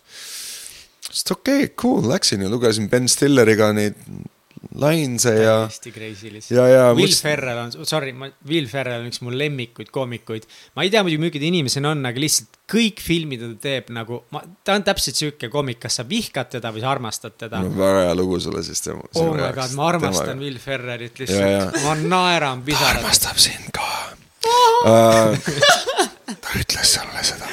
ja, ja tähendab uh, ma sain siis mingi väiksema osa, ma, ma alguses no nagu proovisin mingit suuremat osa saada ja ma ei saanud. aga siis ma sain nagu osa, kus ma mängisin ühte Mila Jovovitši äh, nagu äh, bodyguard'i põhimõtteliselt, eks ole, mu sõnu ei olnud, et see oli lihtsalt selline väiksem osa. Selle filmi peal ma sain aru, et, et see mulle õudselt meeldib, seti peal olemine mulle õudselt meeldib, platsis olemine, et see on kihvt, tead, et see energia on kihvt ja lahe ja see kogu asi on äge. ja siis ma olingi seal näitlejatega koos, seisin seal, mingi kuum päev oli, me olime kõik mingi sellised telgi sees või päikse ees peidus ja siis ma olin Phil, Will Ferrelli kõrval seal. ja ma ei vaadanud telekat üldse sellel ajal, ma ainult lugesin. ja ma ei teadnud, kes ta on. ja ütlesin, noh, sa ka näit-, need, ma ütlesin, jah, mu esimene töö ja mis sinu nimi on, aa, Will Ferrell ja ma ütlesin, sa oled varem ka midagi teinud, ma ütlesin, no jah, et et, et noh, et jah, et mul on selline telku telkus nagu olnud selline show nagu Saturday Night Live ja siis ta, ma ei tea, ma telkut ei vaata, et ma üldse ei tea, siis ta, okei okay,, et alright ja no väga-väga lahe inimene, eks ole, ta ilmselt vaatas ka, et noh, mingi kutt, mingi aktsendiga kutt teisest kohast ja ei tea ja et oli nagu normaalne jutuajamine. et see oli nagu kihvt, aga ta oli tõesti naljakas ja me tegime, kui me stseene tegime, kus me koos olime, siis oli niimoodi, et noh, sa ma pidin nii hoidma nägu, et naerma ei hakkaks, sest kohe, kui öeldi cut, siis põhimõtteliselt kogu sada inimest seti peal. see on nii naljakas, noh yeah., ta teeb kogu aeg mingit, ütleb teistmoodi ja tuleb mingi uus mõte ja et oli hästi-hästi äge oli temaga koostööd teha. ja see oli jah, siis mu esimene nagu elamus nagu filmimaailmast, ma mõtlesin, et vau wow,, et see on kihvt. ja siis ma läksin LA-sse nagu filmi lõpetama ja siis ma sattusin tagasi LA-sse ja ma olin siis joomana joogateed nagu täiega alustanud, eks ole, ja viis tundi päevas. ja siis, siis ma sain aru, et oo oh,, et LA on nagu väga lahe koht. siin on kogu aeg ilus ilm, päike, inimesed teevad rohkem joogat kui New Yorgis. ma saan kus, kuskil väljas ka teha kõike seda asja. ja siis mõtlesin, et davai, et ma kolin LA-sse ja ma läksin seal näitlemist edasi õppima. Ja mm, siis ma olin nagu kahe linna vahet aga siis ma hakkasin nagu näitlemist natuke tõsisemalt võtma, et okei okay,, et võib-olla on see, mis ma teen, sest kui ma New Yorgist, kui sa New Yorgist ära lähed LA-sse, siis su modellide väga palju nagu väheneb mm. -hmm. sest New York oli siis nagu see meka, eks ole. kuidas su finantsiline olukord nagu siis oli, et mõtlengi, et ma kuulan praegu seda, et sa said viis tundi päevas tegid joogat mm. äh, hakkasid rohkem näitlemise koolis käima, noh, koolid on, sul oli stipendium võib-olla. ma just mõtlen, et nagu väga paljud näitlejad on selles olukorras, kus nad peavad ükskõik mida tegema, et ellu jääda mm. ja proovida leida mingisuguse osa kuskil, ükskõik mida tegema. mul väga, väga vedas sellega, et, et põhimõtteliselt modellitöö nagu seda jätkus mulle väga pikalt. kas sa panid raha kõrvale, olid sa oma finantsidega teadlik või sa kulutasid iga kuu täpselt nii palju ära, kui sa teenisid?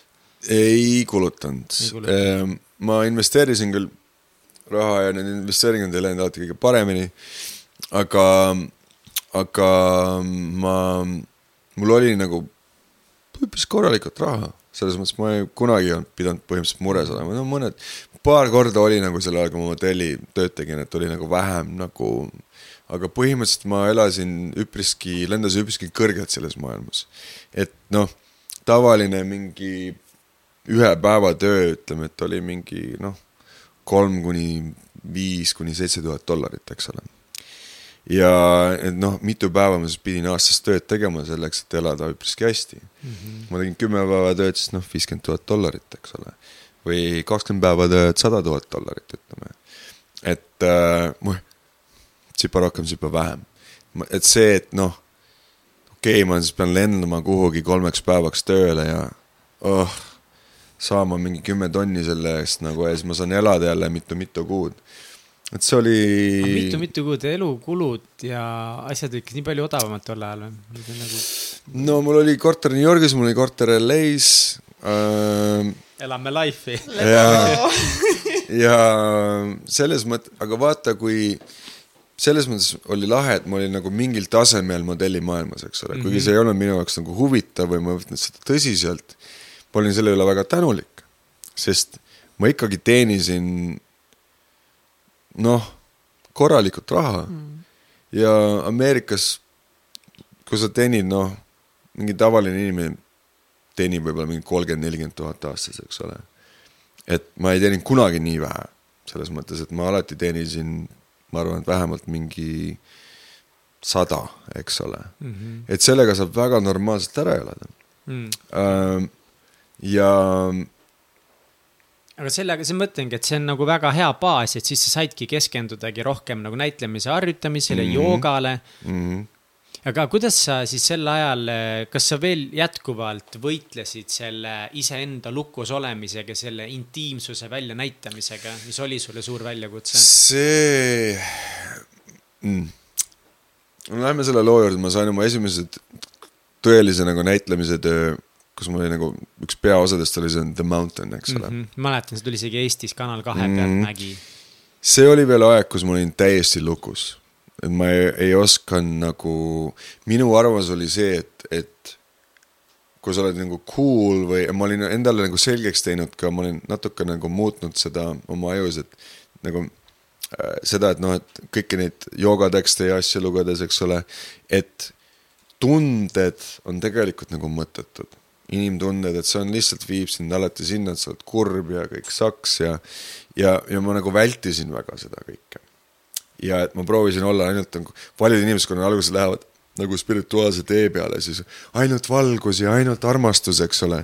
see, seda kõike, kui siis keegi teine tuleb, aga mul on kurb, et ma ei taha isegi sinuga rääkida, sa oled nii negatiivne, vaata.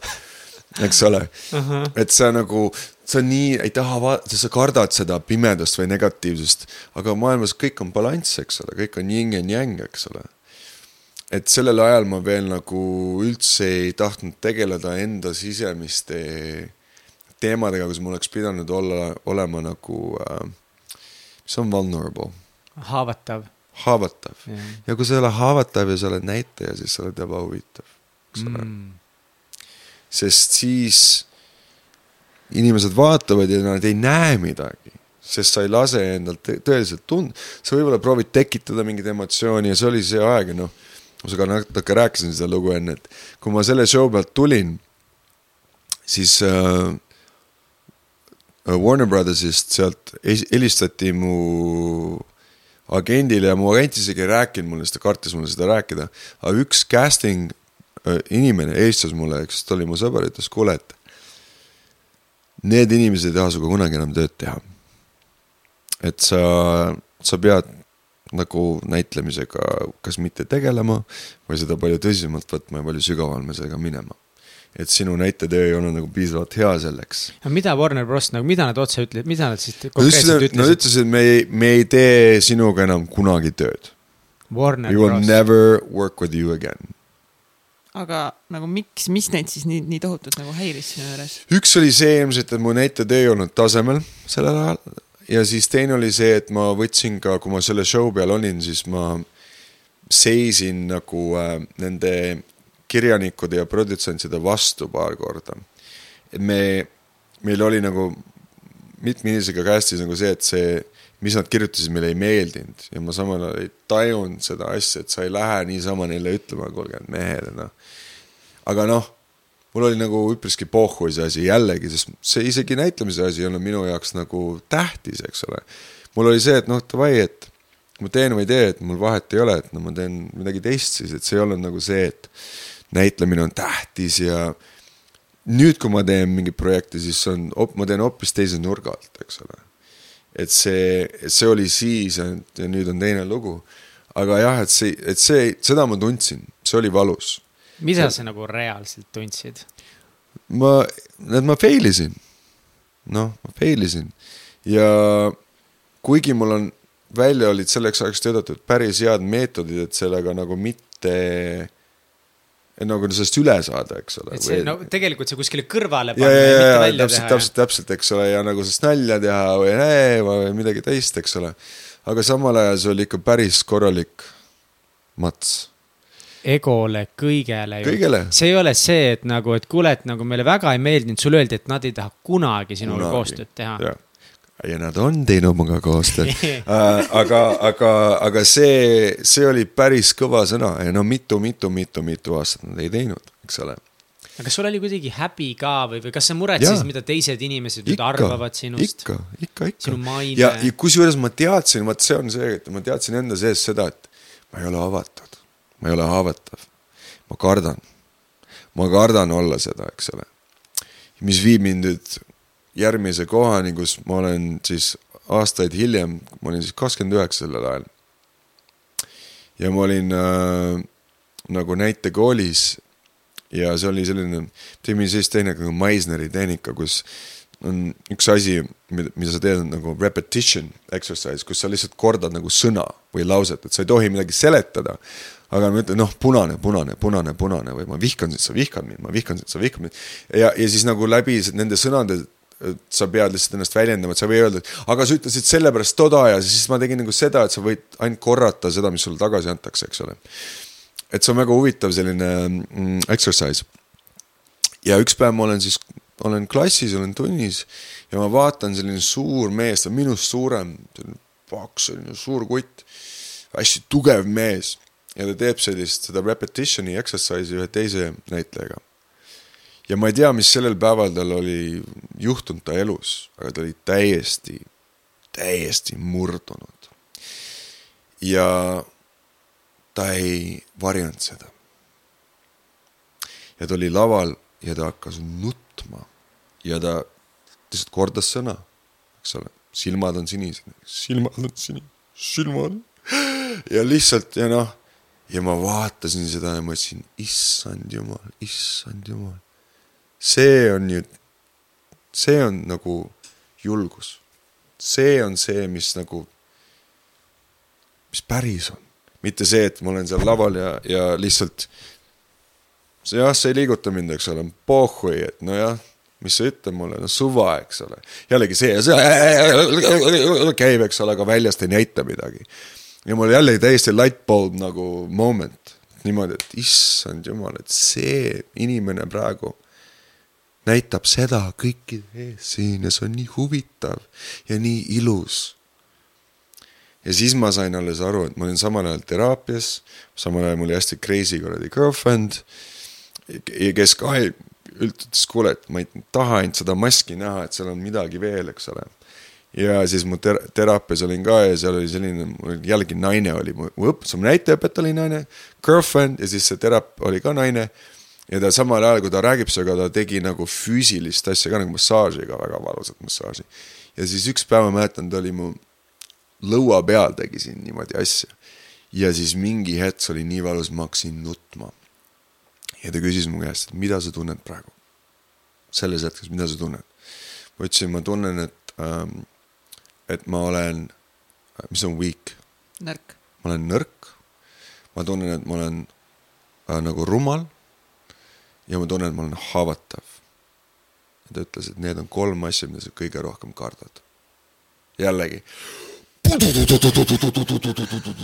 eks ole ja, ja siis ma sain aru, et ma olen selle ajani elanud niimoodi, ma olen täiesti lihtsalt olnud nagu mingine kilpkonn oma asja sees kogu aeg, vaata ja välja ei julge tulla, sest noh, nii kardad, et keegi tuleb jälle nurga tagant jälle kiusama või. kui sa näitad midagi endast, et siis nagu keegi ütleb, ei osa, ei oska nagu ennast üldse väljendada, vaata mm. -hmm.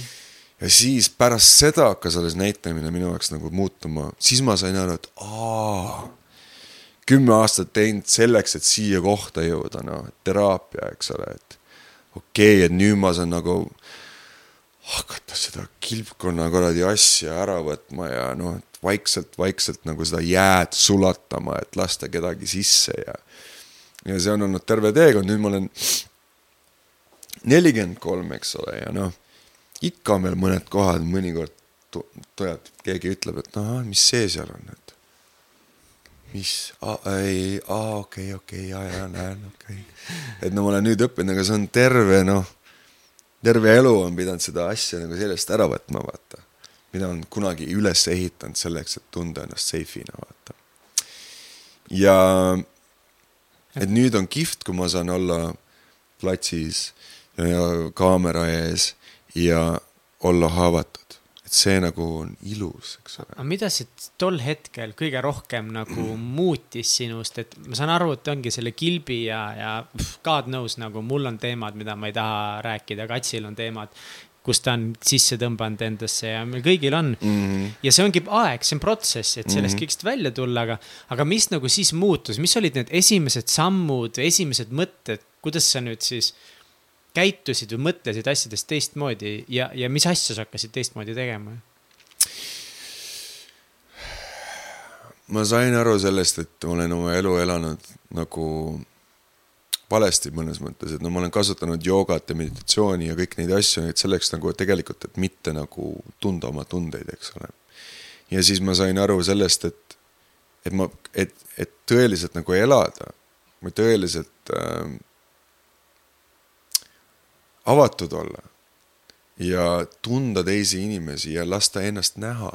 ma pean muutma kõik mm.. ja et, et, et noh, et see on, et see on ilus, vaata.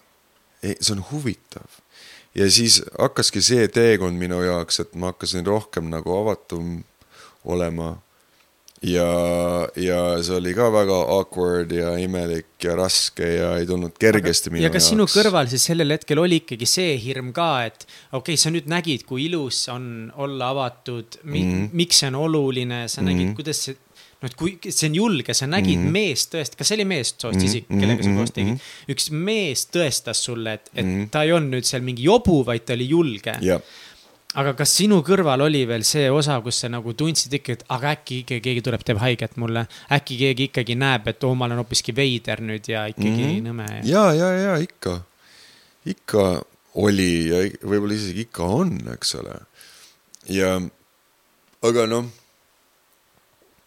see on ka osa elust, eks ole, et sa, kui sa oled avatud, siis üks asi, mis, mis ma nüüd olen õppinud või millest, mida, mida ma nüüd õpetan, on see, et kui keegi sind haavab või kui, kui midagi juhtub, siis ütle sellest, ütle midagi, et aa oh,, wow, I got my feelings hurt, eks ole, et see, et, et see, mis sa ütlesid, et see oli nagu ouch, et täitsa valus oli nagu, et et äh, mitte sisestada ja siis kinni panna ja lukki siis mingi story selle juurde, et see on paha inimene, aga see, et vahest inimesed ütlevad asju ja nad isegi ei saa aru, et nad sulle haiget teevad, eks ole.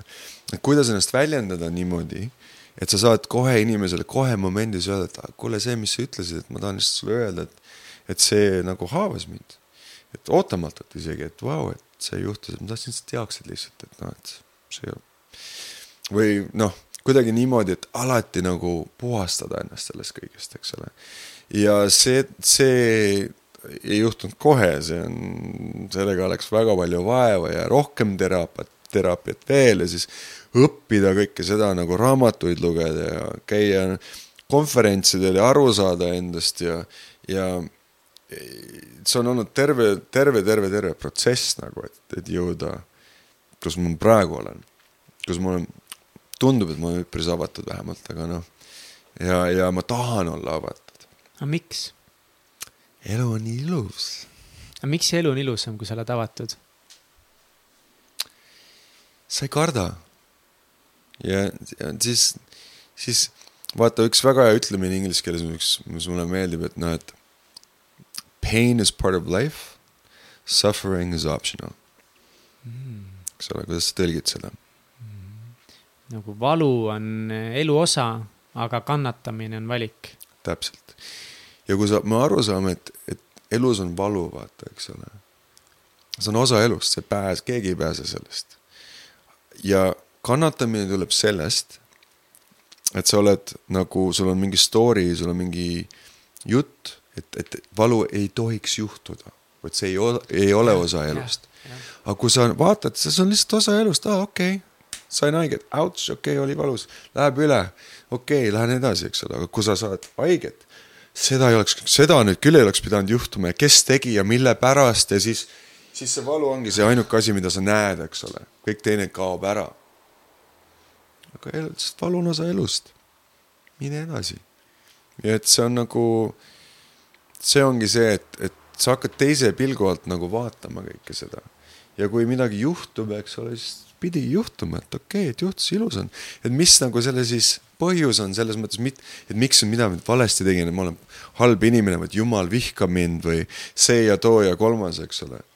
et see on, kindlasti see on, selles on mingine nagu blessing, aga mis on blessing? õnnistus. õnnistus, mis selle õnnistus on? et ootadki seda, et mis nüüd siis juhtub, et see on mhm. kindlasti mm -hmm. mingi õnnistus, eks ole, ma lihtsalt ei tea seda veel. ja see ongi nagu perspektiivi muutmine, eks ole et sa vaatad elu nagu teise pilgu alt. ja et see on seda, mida ma olen õppinud ja mida ma nüüd õpetan ja see muudab, muudab kõige. ja lihtsalt vaatad teise nurga alt asja, eks ole kas sa tundsid ennast järgmit-, järgmistes rollides oma elus, erinevates filmides või sarjades kuidagi teistmoodi ka või kui sa näitlesid, kas sa tundsid, et nüüd sa näitled hoopis teistmoodi?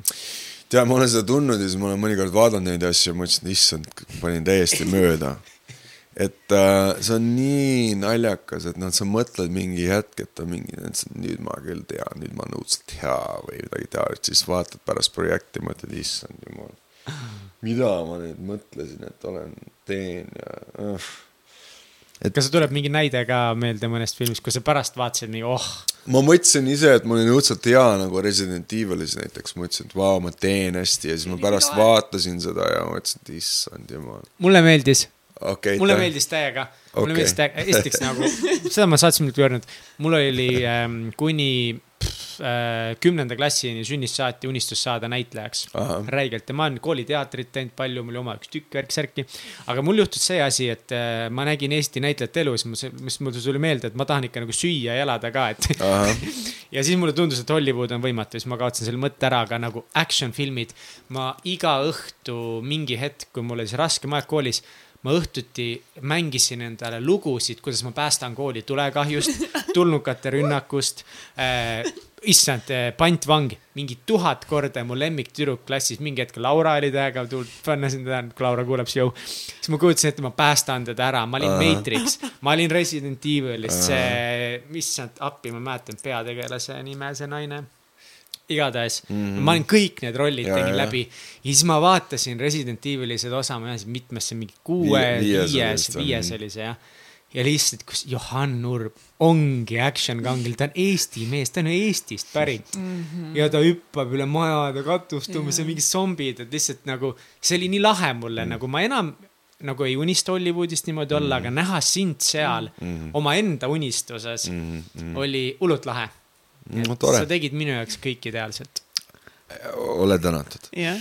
ja ise oleks, oleks kindlasti teistmoodi teinud, kui äh, oleks saanud uuesti teha, vaata ähm,. mis oleks siis teistmoodi teinud või mis, mis oli see, millega sa ei olnud rahul? ma ei olnud rahul sellega, et, et äh, ma oleks palju rohkem huumorit pannud nagu oma sellesse performance'isse nagu, et kuidas ma tegin, see oli, see oli nagu minu meelest väga nagu ühe tasandil. tasandi peal, et seal ei olnud nagu seda sees mm. -hmm. see mulle ei meeldinud.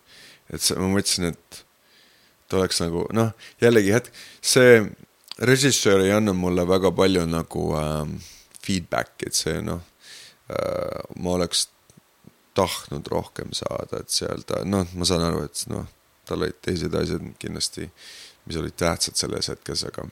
-hmm. Aga näiteks ükssarviku rolli mulle meeldis palju rohkem, eks ole, palju lõbusam, huumorikam, seal toimub rohkem. ja see roll, mis ma praegu teen Rain, Rain Rannuga jälle, et ma usun, et sellest tuleb ka päris huvitav ma can't wait. ja, ja, ja. on üks, üks teema korra, mida, mida puudutada, et sa mitu korda mainisid seda ka, et sa ei tahtnud nagu kunagi unistusi olnud modelliks saada mm, -hmm. aga sa mhm. said päris heal tasemel modelliks mm. -hmm. sinu unistus ei olnud kunagi saada päris näitlejaks mm, -hmm. aga seda sa said mm. -hmm et on nii palju inimesi, kes unistavad tohutult saada mm. modelliks, saada näitlejateks, see on nagu lihtsalt nii suur unistus ja nad mm. noh, osad saavutavad, osad mitte yeah et kas, mis sa ise nagu, mis sinu vaatepunkt selles on, et see, et see, on nagu tulnud kõik nagu sulle, justkui millest nii paljud unistavad? jaa, jaa, mul on väga kahju nendest inimestest, sellepärast et ma tean LA-s nii paljusid näitlejaid, kes on nii andekad, noh, nii fucking andekad, ma võiksin neid vaadata, no niimoodi vaatan, kui nad teevad asja, vau, kuidas sa teed nii hästi ja nad pole kunagi saanud löögile, eks ole. teevad mingit teist tööd kuskil, no üks mu väga hea sõber, noh, müüb mingit hambaarstirravi umbes telefonist ja värki ja samal ajal on noh, selline näitleja, et sa lihtsalt ei usu. ja ma ei tea, ma ei tea, mis see, mis see on ja see on veider ja see on noh, kahju on, sest noh, väga paljud LA eriti tegelikult ma ütlen seda, ma ütlen seda, et praegu on minu meelest kõige parem aeg inimestele, kes äh, ei ole, vaata, väga pikalt oli niimoodi, et mingid, oli mingi teatud Hollywoodi tüüp, ütleme, et no sa näed, sa oled ilus mees või naine, eks ole, ja sa oled valge, eks ole. ja nüüd see on väga palju muutunud et, et väga paljud näitlejad nüüd, kui sa oled, sa oled mees või naine või pool meest, pool naist või, või midagi noh, suvalist, mis värvi, kust sa tuled, kas on aktsenti, ei ole aktsenti, see ei tähenda enam midagi. et, et, et, et õnneks on toimunud see muutus nüüd mm, -hmm. et me tahame näha ka teistmoodi inimesi, eks ole ja et nüüd on nagu palju rohkem võimalusi minu arust saada löögile või saada kuhugi sisse. ja nüüd on ka niimoodi, et kui sa teed mingi väikse show kuskil Saksamaal või Eestimaal või, või kuskil mujal, eks ole, sa võid tulla Netflixi ja next thing you know, sa oled mingi, kogu maailm vaatab ja ütled, vau. Et sa ei pea enam LA-s olema, et see asi mm. juhtuks, et sa saad ja, Euroopas aga, ka teha aga, või kuskil mujal. aga midagi pidi ikkagist sinus nagu olema, midagi noh, selles mõttes, et okei okay,, et sa olid küll väga hea välimusega, sind mm -hmm. võeti mhm. modelliks, sa said näiteks, aga midagi pidi ikkagist sinus olema, sellepärast et sa said nagu teha nii palju ja saavutada ikkagist päris suuri nagu asju mm, -hmm. et sul pidi nagu midagi ikkagist ma Kater... midagi pidid õigesti tegema. ma, mulle täiega meeldib, kui kats läheb ja ma paneks siia juurde veel, et, et sinu onupoeg Tom Olafurb, keda me kõik teame siis Rekete all ütles niimoodi, et äh, tema arvas, ma kohe ütlen, et, äh, et tema arvas, et ikkagi nagu üks sihuke suurim väljakutse ja raskus on sul olnud need ajalised ohverdused ja, ja ta ütles, et et selleks, et inimene saavutaks mingeid asju, peab tal olema teatud sihuke iseloomu, omadus, et minna lõpuni välja mingite asjadega mm, -hmm. mida tehakse. et väga paljud sinu asemel oleksid lusika nurka visanud, kuid mm -hmm. Johan läks ikka edasi mm. -hmm. et ähm, kuidas sa kommenteerid nagu Reketi mõtet? Jaa, see on, ma, ma, ma nõustun sellega selles mõttes, et noh, üks asi, mida ma olen elus teinud äh, üpriski hästi, on see, et ma olen nagu järjepidev olnud selles mõttes, et ma ei ole, ei ole nagu alla andnud. Ähm, ja ma arvan, et väga paljud inimesed, kes, kellel on väga kirge, eks ole, ja nad lähevad ja kui nad ei saavuta, et siis nad jällegi, mis on see story, eks ole, mida, mille sa siis välja mõtled, noh, et ma ei ole piisavalt hea, ma ei ole piisavalt too, piisavalt see. ja ma ei ole selleks vanuseks nüüd saavutanud, eks ole, et see tähendab seda, et kõik ongi otsas, et ma teen midagi teist kindlamat või nii edasi, nii edasi. aga minu jaoks on olnud alati see, et ma olen usaldanud nagu, kuigi näitlemine ei olnud see, mis ma nagu tundsin oma kehas, et see on see, mida ma pean tegema. ma usaldasin seda, et see juhtus millegipärast ma usaldasin seda, et see toodi noh, vaimude poolt või kuidagi minu ellu niimoodi, et sellel on mingi põhjus. ja isegi kui ma ei tea, mis see põhjus on, ma tunnen, et ma pean seda rida jälgima. ja kui ma olen teinud nagu mingit ayahuasca tseremooniat või seente tseremooniat ja iseenda sisse läinud oma äh, praktikatega ja teistmoodi ka rääkinud inimestega, kes on nagu saikikud ja värgid, siis ma olen alati küsinud nende käest ka, kas on vaim või inimene, eks ole, kes on ka vaim. kuule, räägi mulle seda asja, et mul on selline nagu valik, et noh, et üks asi, mis ma alati tahtnud teha, mida ma nüüd ka teen, on, ma õpetan inimestele vaimsust, eks ole. ja see on nagu see, mis mul täiesti kaif on, kui ma saan seda teha ja mul on alati õudselt rõõmus. eile on just Mind Valley, Mind Valley podcast'is, mis oli hästi nagu selline uhuu moment minu jaoks nagu mm. dream come true ja aga et see, et äh, oh, mis, millest ma just rääkisin. see et ikkagi järjepidevus, sihikindlus, et sa ei ole alla andnud asjades mm. -hmm, et sa mm -hmm. push'id nagu edasi, vahet ei ole, et, et äh, mis see Aa, kui ma olen rääkinud erinevate inimestega või siis noh, teinud tseremooniat, eks ole, ja küsin seda küsimust, et kumma ma valin kas ma valin selle spiri-, ainult selle spirituaalse tee või näitleja tee, eks ole. siis vaimud on mulle alati öelnud, kas läbi inimese või läbi taime ja alati öelnud, mõlemad on sama tee sinu jaoks, sa pead tegema mõlemat ja astroloogideks sama, et noh, ma olen alati nagu, et kas, kas ma, kas ma teen nüüd edasi või. ja Kaja vastan alati, et sa pead tegema. okei okay,, isegi siis, kui ei lähe, jah, sa pead tegema ja ma olen aru saanud, et minu jaoks need teed on lihtsalt koos. käivad ja ongi nagu sama tee, see ei ole nagu kaks erinevat teed, need teed käivad koos. Ja ma läbi mõlema saan nagu õppida ja väljendada ennast ja läbi näitlemise tee ma olen kogenud väga palju äh, ebaõnnestumisi. ja väga palju nagu seda, et ma ei ole piisavalt hea või piisavalt see või piisavalt too ja läbi nende, see on mind väga nagu ähm,, mis on um, humbled me, mis on? uh, humble on hea sõna, nagu ähm, nagu noh, see ei ole hea sõna, aga nagu maa tagasi, mitte maa peale toonud, aga nagu mitte, mitte nagu tagasihoidlik, aga no, ongi humble, sa oled humble, noh. minge pange translate humble. see, mis humble on hea sõna, mulle meeldib humble. et see nagu Humble. see on nagu äh,. aupaklik natuke. on meelde tuletanud mulle seda, et hei, et sa oled lihtsalt, sa oled lihtsalt üks kõigist, eks ole mm. -hmm. ja, ja et ja see on olnud väga hea, selles mõttes, see on nagu õpetanud mulle väga palju äh,, kuidas olla, mis on compassionate. kaastundlik. kaastundlik. ja sest see on üks asi, mis, millega ma, mis, millega ma nagu ei sündinud kaasa, mulle mm -hmm. kaastunne, ma olen pidanud õppima kaastunnet.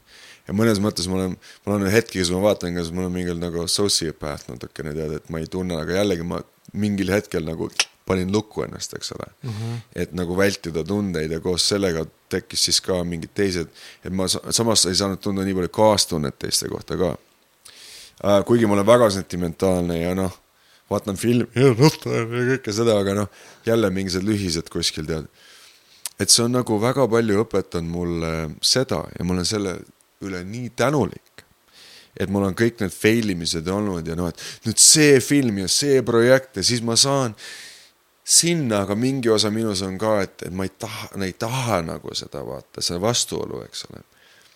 ja see vastu oli ka sellest, et vastuolu oli ka sellest, et mul oli see tunne enda sees, et kui ma selles, kui ma selle saavutan nüüd, eks ole, ja ma olen mingi Chris Hemsworthi tasemel inimene, ütleme.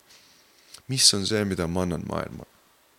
mis on minu offering, mis on minu see, mida ma representeerin, eks ole. et okei okay,, ilus poiss Eestist teeb filmi.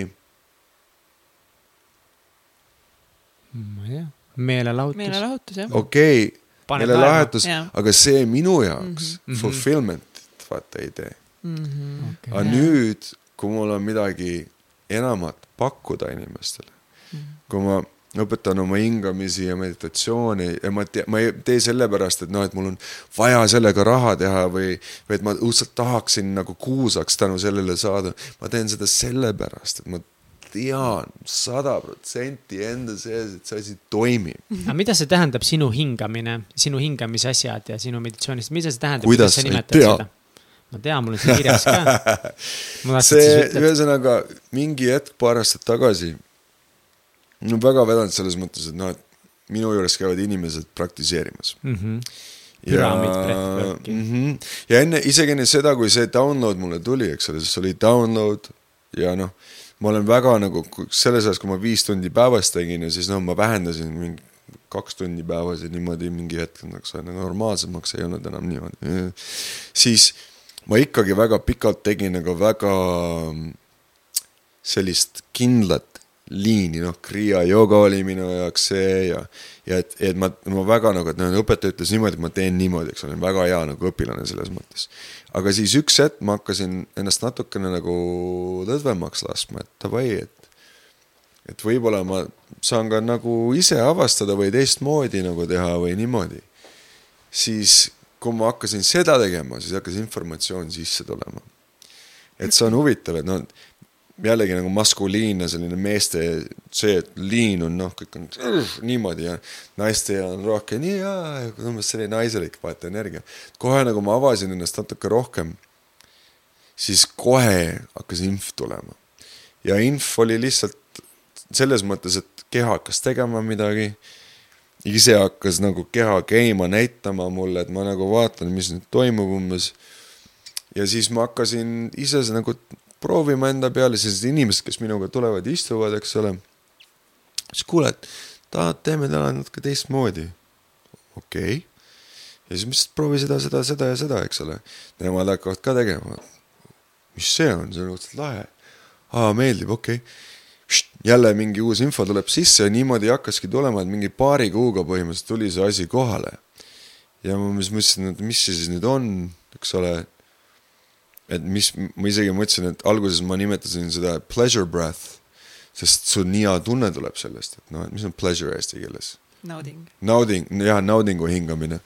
aga, ja, aga siis ma mõtlesin, noh, see on natuke hmm,, ma ei tea, siis ma mõtlesin, mis nime nagu ja siis üks päev tuligi nagu, et ahaa, et see on vist püramiid, sest ma kasutasin oma meeles nagu sellist püramiidi, tuli nagu selline shape lihtsalt. ja ja siis ma olen, olen seda teinud nüüd ja õpetanud seda ja, ja see on toonud noh, paljudele, paljudele inimestele nagu nende võib-olla kõige suuremad elamused. aga mis muutusi sa oled näinud inimeste sees toimumas? üks mu lemmikumaid muutusi inimeste sees on see, kui nad arvavad, et nad on see inimene, kes nad on. ja siis järgmine hetk nad mäletavad, kes nad päriselt on. mis tähendab seda, et nad on jumalik valgus, jumalik armastus, eks ole okay.. ja kui sa, kui see ei ole niimoodi, et aa, no ma jah, ma tean, ma saan aru ja, aga tegelikult ei tea. vaid see, kui inimesed tunneb seda igas oma keha osas ja oma vaimus, oma südames. kui kaua sa pidid temaga tööd tegema selleks, et, et see toimuks? üks workshop, noh What? kas see mingi viie, kas mingi viie minutiga saaks seda teha? kas me saaks praegu nagu teha, Juhan, nagu palun sõbrad, et eh, kas me saaksime teha sinuga, no kasvõi mingi lühikese praktika, ma ei pea nüüd olema. aga ma võin olla nagu just täiesti uus inimene viie minuti pärast, me keegi veel ei tea, nii et. absoluutselt, me võime vabalt teha, tahate teha? muidugi teeme, teeme, teeme. okei, ma siis seletan ära, kuidas see asi käib nii, kõik, kes on ratta peal, võite korra seisma jääda, kõik, kes on laua peal, siis tooli peal, ole laua peal. jätke autod seisma ja. kui sa praegu autos oled, ei tohi teha seda äh, seisvas autos tõesti võib, aga lihtsalt pargi ära. kui sa istud tooli ääres, siis ikka võib juhtuda, et pea hakkab ringi käima, palun ära kuku, ära tee faceplanti, eks ole, niimoodi. ja teile ka, et äh, kui hakkab, hakkab tulema selline olek, et kukud tooli pealt maha, siis rahuneme natuke, et paneme käed niimoodi siia äh,. sest mõned inimesed minestavad ära äh,. mõned inimesed saavad orgasmi, mõned inimesed minestavad ära äh,. mis me teeme, on paar asja samal ajal. esiteks, me hingame väga sügavalt sisse suu kaudu. kopsud täiesti täis sada kümme protsenti, okei okay., ja siis, kui me hingame välja, siis me laseme umbes viiskümmend protsenti jõust välja. ja me ohkame, kui me välja laseme, et see nagu kõlab niimoodi mm. -hmm. väga hea. teine asi, mis me teeme, me kasutame, inglise keeles on nimeks yoni, mis on nagu tuped, lihas siis, eks ole, naistele. ja, ja meestele mul on nimeks pony, yoni ja pony sest perineum on inglise, perineum on, eks ole, inglise keeles et see on nüüd Yoni ja Pony, et see on nagu äh, mingi lahklihas või mingi selline asi eesti okay. keeles, see on mingi imelik nimi selleks aga jah, Vaagna, Vaagna põhjalihased võib ka mõelda sellest. ja kuigi me hingame õhku sisse suu kaudu, me mõtleme ja kujutame ette, et see energia tuleb meid altpoolt üles. nii et kui mõtlete niimoodi, et see on püramiid praegu, püramiidi tipp on meie pea siin ja meie tagumik on püramiidi nagu põhi, põhi ja see põhi on lahti. ja see püramiid istub sellise ookeani peal, mis on täiesti rahulik ookean, seal ei ole laineid. ja see ookean on energia ja see ookean on jumalik armastus. ja see ookean on ähm, chi, shakti, elujõud. see ookean on orgasmiline energia äh,. nii et kui seda hingamist teha, siis me võtame iga sissetõmbega sellest ookeanist, seal on lõpmatult seda energiat, me täidame oma kogu keha selle energiaga, eks ole, see tuleb niimoodi üles, see on nagu üles-alla äh,, äh, mis on waterfall, kosk. eks ole, kosk tuleb lihtsalt altpoolt üles sisse, see tahab tulla su kehasse ise. Ja me kasutame oma esimest tšakrat siis. Äh, selleks, et aidata seda energiat sisse, me teeme väikest sellist nagu liigutust oma jooni ja pooniga. nii et nagu praegu. sulgurlihast surume veits. ja nii et natuke nagu te mõtlete, kui nagu te proovite, pumpad natuke ülespoole, tuleb kohe selline uh, tunne nagu umbes, et uh, ja, nagu külmavärinad natukene mm. -hmm. nii et iga kord, kui me sisse hingame, siis, siis kui meil kopsud täis on, siis me teeme väikse sellise up, ülespoole. siukse mm -hmm. nagu tõmbe. tõmbe, kui meil kops täis tuleb, siis tunnetad, siis tuleb väike selline tunne sisse mm. -hmm. siis samal ajal me teeme ka sellist asja, et me liigutame oma, oma äh, selgroogu niimoodi. et see on nagu vibu läheb niipidi ja siis, kui me välja hingame, ohkame, ta läheb niipidi nii, oota, sa pead nüüd väga kirjeldama seda. näed, ma mm, -hmm. ma teen niimoodi ka, et inimesed näevad nii, et sisse niimoodi. sisse, tõmbad nagu. välja niimoodi. et sa tõmbad sisse tõmmates, tõmbate nagu rinna ette. rinna ette jah, nagu vibu, eks ole, niipidi, et kui me välja hingame, siis niipidi siis õlad ette ja selg, selg küüru mm. -hmm, küüru natukene, väga hea. ja me teeme seda sellepärast, et meie selgroog, seal on kogu meie närvisüsteem, eks ole, on seal sees. ja kui me istume ja elame tänapäevast elu, siis kogu aeg käib asi niimoodi, me teeme seda värki ja seda värki ja see muidugi klaviatuurid ja see ja, läheb kokku ja teeme, vajume kokku. kui me hingame ja... niimoodi, siis me tekitame seal rohkem ruumi ja siis on asi, see on nagu see seljaroo vedelik, eks ole, cerebrospinal fluid. et me nagu aktiveerime selle, aktiveerime selle. ja sealt tuleb kundaliini energia, et te võite märgata ka seda, et päris kuum võib hakata, päris soe võib hakata, see on kõik okei okay. inimesed võivad ka erutust tunda, äh, kui seda pikemalt teha inimesed on, saavad sellist jumalikku orgasmi. see on ka okei okay,, kui see juhtub, täitsa okei okay,, ei ole vaja midagi karta. mõned inimesed hakkavad nutma, mõned inimesed hakkavad naerma, kõik on võimalik. ja me teeme niimoodi, et me teeme sellise lühikese sessiooni praegu, eks ole, me teeme kolm korda kolmkümmend kolm ja mina loen ja võite lihtsalt kuulata minu äh,, ma räägin samal ajal, kui me teeme. ja siis, kui me kolmekümmend kolm, kolmkümmend kolme ära teeme, siis me võtame kopsud täis ja hoiame kopsud täis. ja kui me hoiame kopsusid täis, siis me viime oma meele selle koha peale, südame koha peale siia ja siis me jälgime seda kohta, siis vaatame ja siit tuleb selline energia, mis nagu laine kogu aeg läheb välja niimoodi, igas suunas. me ei pea seda tegema, see teeb meid. see on kogu aeg toimub, lihtsalt pane tähele ja samal ajal me hoiame siis tupelihaseid, jooni ja pooni pinges. ja energia läheb niimoodi alt ülespoole ja samal ajal me keerame oma keele niimoodi üles ja tahapoole. suulakke taha mm. -hmm, mm -hmm. mõttes on ketšari muda.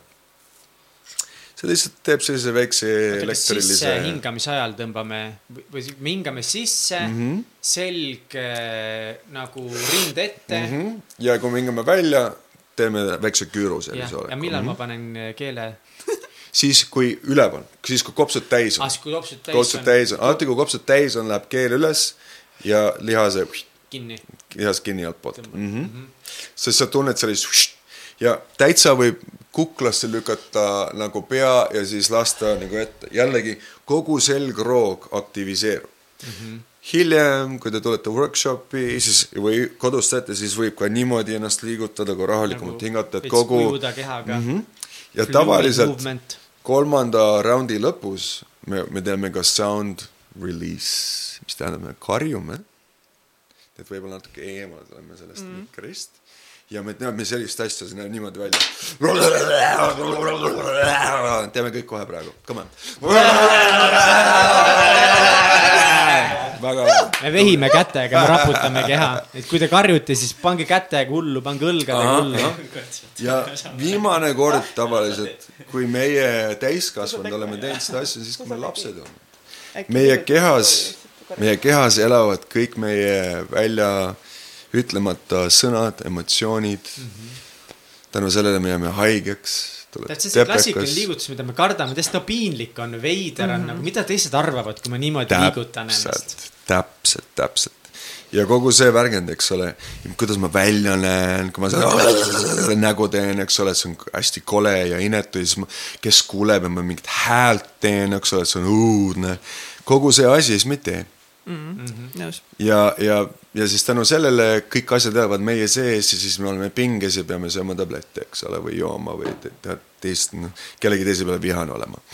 nii et tänu sellele, mis me praegu teeme, me vabastame enda keha nendest asjadest, nendest tunnetest ja siis me saame tunnetada tegelikku armastust, mis me päriselt oleme. nii et davai, olete valmis uh!? Hakkame tegema oh. nii, kui on vaja, siis hoidke silmad lahti, vaadake mind, kui ei ole vaja, võime silmad kinni mhm. panna mm -hmm. ja tunnetada lihtsalt vaikust, ma kiiresti räägin üle, kui me hingame sisse, kopsud täiesti täis ja kui me hingame välja, me ohkame välja.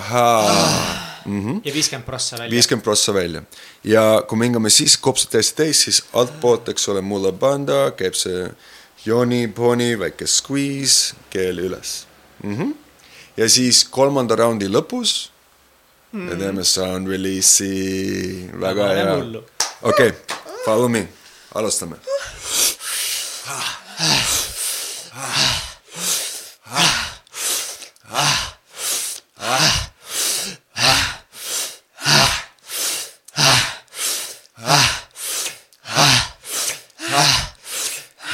tubli.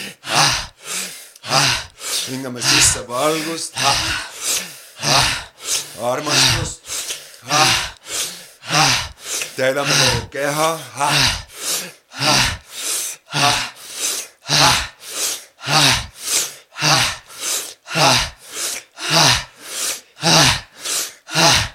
ja suur sisse hingetame sisse nii, pigistame alt, keel läheb üles, hoiame õhku täis, kopsud.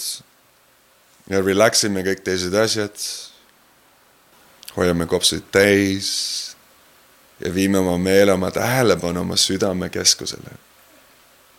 hoidke kopsud täis ja lihtsalt märkame seal sellist energiat, seal kogu aeg toimub, elab, on ja laseme õhu välja. nii, neelame korraks, hoiame silmad kinni, teeme veel okay..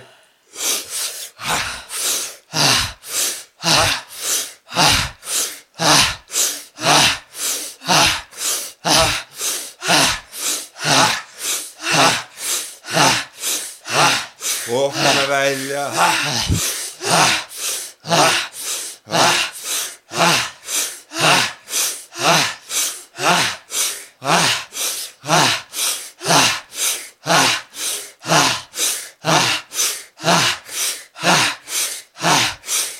ja kopsud täis.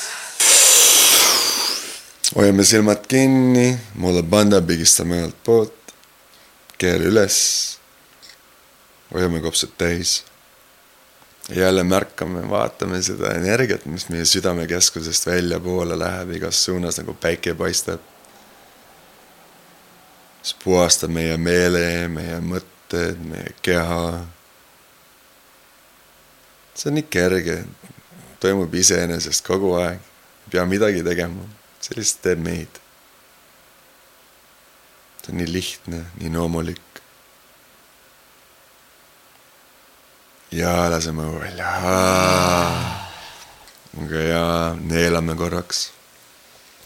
teeme ükskord veel ja nüüd, kui me kolmkümmend kolm oleme ära teinud, siis me karjume, kisame ja teeme väikse shake'i, okei okay?? nii, nüüd hingame natuke rahulikumalt.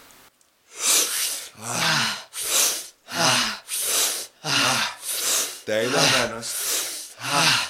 Jumaliku armastusega, jumaliku arusaamisega. viime selle energia igasse kohta. Oma kehas, oma meeles, oma energiakehas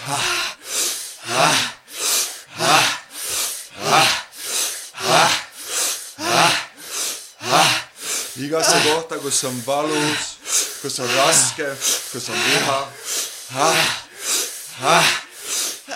ja kopsud täis. nüüd välja karime.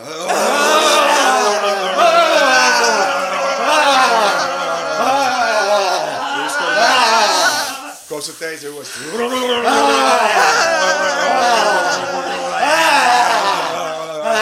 ja ükskord veel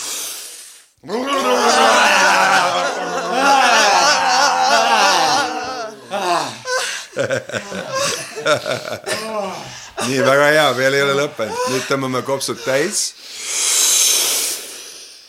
hoiame täis. tunnetame jälle seda armastust südamest. nagu päike, mis paistab igas suunas, puhastab keha, meelt. See lihtsalt kogu aeg toimub. tõmbame veel natuke õhku sisse nüüd hingame kõik õhu välja ja hoiame kogu õhu väljas niimoodi, et on täiesti tühi kops. natuke aega siin, siis täitsa tühjad. märkame, kuidas kogu meie egosüsteem, meie isiksus, kõik laguneb. Läheb tagasi. sellesse jumalikku kogusesse, kus kõik on üks. See ookean, mille peal me istume, kus me oleme. ja kohe varsti, kui me sisse hingame kõik koos, siis me ehitame ennast uuesti sellest kohast jumaliku armastusega mm,, jumaliku valgusega. nii, hingame sisse. jälle hoiame kopsud täis, mulla banda keel üles, mudra. Nüüd märkame, kuidas me ehitame ennast uuesti sellest hetkest praegu. kas see polaarsuse mäng on Shiva Shakti, yin-yang. avastame, kes me oleme, mäletame, kes me oleme. ja laseme õhu välja ja hoiame silmad korraks veel kinni. Ja kui me silmad avame natukese aja pärast, siis jätame meelde selle tunde, jätame meelde. ja elame sellest kohast, mida me praegu tundsime. Te lähe tagasi sinna, kus me enne olime. vaid hakkame elama sellest kohast väga hea, avame silmad mm. noh pea käib ringi. jaa, see on normaalne uh. noh, kuidas meeldis? oh my god. midagi öelda, natukese. nagu kogu see, kuidagi see see on nii suur tänutunne, mis oli enne juba mu sees nagu see, et me saame täna olla siin kõik koos ja teha mm. nagu Johaniga neid asju, siis nüüd ja nüüd ma olen lihtsalt nagu mingi oh my god nagu no,. mis on see elu, et me saame nagu olla praegu siin kõik koos ja nagu kogeda seda nagu mm., nagu what is this nagu, et see on nagu aitäh mm.. väga meeldib nagu ma muretsesin nii palju juba enne kuidagi, üks mõte, mis praegu tundsin nagu, et ah, et nagu kõik on nii hästi, kõik on nii cool tegelikult chill, et ma väga põdetasin, et ah, et Johan tuleb siia, et kuidas saadik ikka nagu tuleb ja nagu nii, et kuidas ta ikka nagu läheb ja kas ikka räägib neid mahlaseid lugusid ja, või ka ei räägi või kuidas ma äh, äh, tehniliselt väga keeruline asi, mida teha mm. esimese korra pealt kindlasti, et mm. ma alguses, äh, ma ei saanud aru, et me teeme seda äh, äh, poniga väikse pigistuse mm seal vahes, ma mm -hmm. alguses tegin nagu kohe kõigiga, iga mm -hmm. korra proovisin keele lükata mm. -hmm. no sa õieti tegid. aa, okei okay., aa mm, -hmm. siis, aga siis vot, siis ma teistel kahel korral ei teinud enam okay., sest ma sain aru, et aa, et me teeme siin keskel hoopiski mm -hmm. seda. et ka. selles mõttes eh, tehniliselt nagu hästi keeruline, hästi põnev, ma tahaks nagu veel teha seda, ma tahaks õigesti teha. no.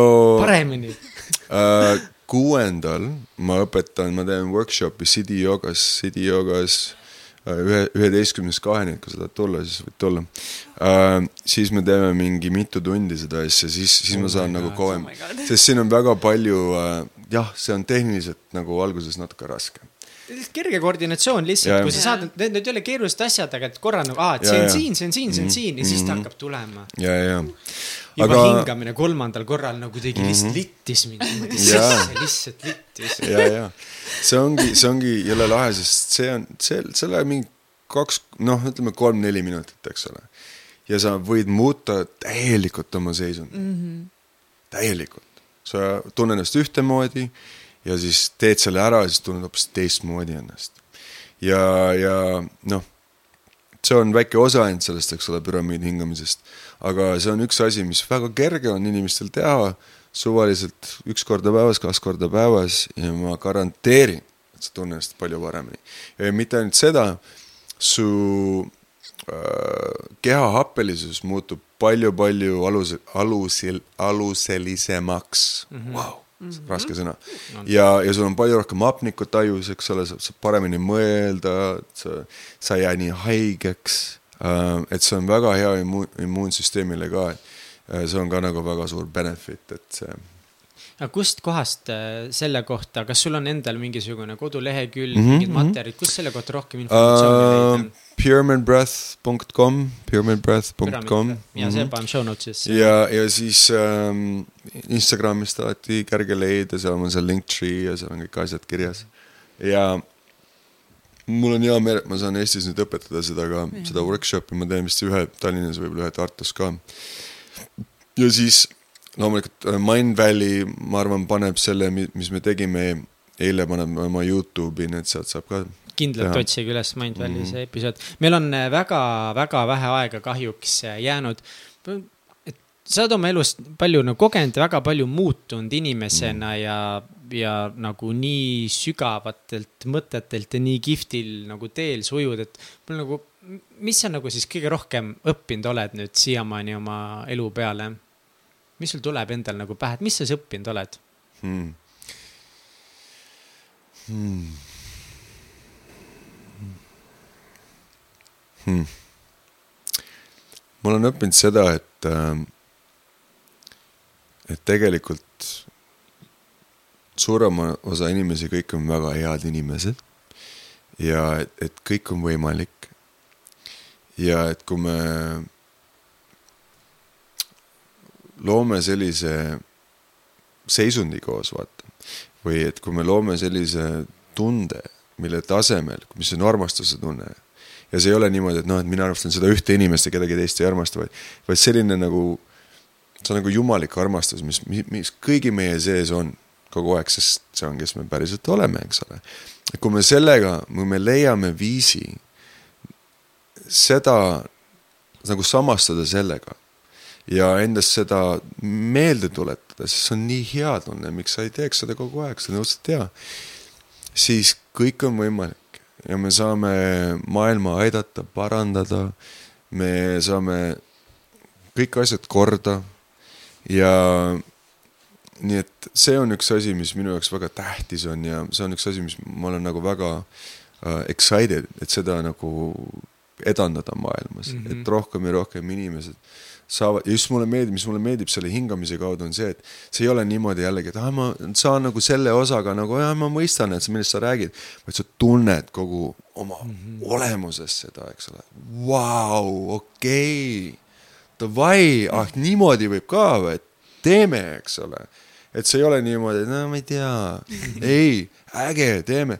see on üks asi, mis, mida ma olen õppinud ja mis minu meelest on nii tore, et see võimalus on nüüd, sest maailm on kõik koos, eks ole, meil on internet olemas. kõike saab, kõik saavad igal pool, et, et, et, et seda on minu meelest õudselt vaja praegu maailmas. et me mäletame seda, kes me päriselt oleme ja mis me, mis, mis võimalik on. kui me tuleme sellest nagu hirmust välja ja, ja hakkame rohkem nagu armastama teineteist ja kokku lööma ja ja et see on nagu minu arust vajalik ja ilus ja tore. Need on nii head sõnad ja ma lihtsalt nagu, mitte et ma suudaks sinu sõnade peale öelda, aga lihtsalt ma arvan ka, et oluline, et ja andke endale aega sellel teekonnal mm,. et ja. äh, andke aega lihtsalt mm. -hmm meil on. välkküsimused kiired. ja meil on kiired, väga kiired välkküsimused nüüd sulle mm -hmm. niimoodi. mis me küsime kõik, kõigi saatekülaliste käest alati sama. okei okay,, okei okay.. kas sul on igapäevaseid või iganädalaseid olulisi harjumusi, mida sa teed igapäevaselt või iganädalaselt? noh, sihuke tänaline äh,. igapäevased on, ma teen iga päev hingamist ja meditatsiooni. pesen hambaid loomulikult, pesen noku ja pepu, eks ole äh,. käin duši all äh, peaaegu iga päev ähm,. mis ma veel teen mm,? teen trenni, füüsiline trenn on minu jaoks sama tähtis kui meditatsioon ja hingamine. no saad räme kompu ka, nii et nagu seda on näha. aitäh sulle äh,. ja ma saan täiesti kaifi sellest, et kui ma trenni ei tee, siis täiesti võib tulla täbrekas mm,. mul on tähtis olla iga päev, üks teine harjutus, mida ma teen mis väga tähtis minu jaoks on, on, on tänulikkuse harjutus. et ma iga päev võtan aega, me teeme Taisega koos, mitme nagu ja see, me teeme seda hästi nagu pulliks niimoodi. kuule, mille eest sa tänulik oled? ma olen tänulik selle eest, täna paistab päike ja ma olen tänulik selle eest, meil on nii hästi kõik, me oleme nii terved ja elu on nii ilus.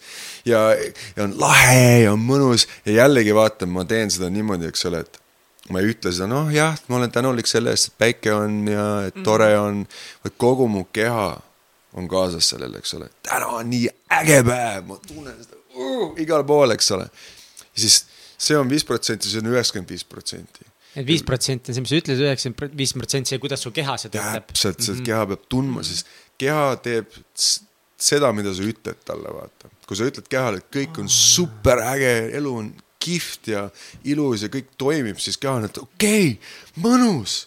kurat, seda ma olengi valesti teinud selle juures, ma ütlen kogu aeg, et ma olen nii tänulik, et ma olen terve noh mm -hmm., mis nüüd saab jaa, täpselt okay,. aga okay, et okay. seda tuleb tunda ja see on jällegi, spirituaalsus on minu meelest, peab olema fun, eks ole, see peab olema kihvt ja tore, et sa tahad teha seda sest mingi osa mees ütleb alati ära, täna te ei viitsi, ei viitsi, vaatame telekat. Sorry, nüüd ma peatan sind mm, -hmm. vaatan kella juba, et siin, et next question. milles sa väga hea ei ole? milles ma väga hea ei ole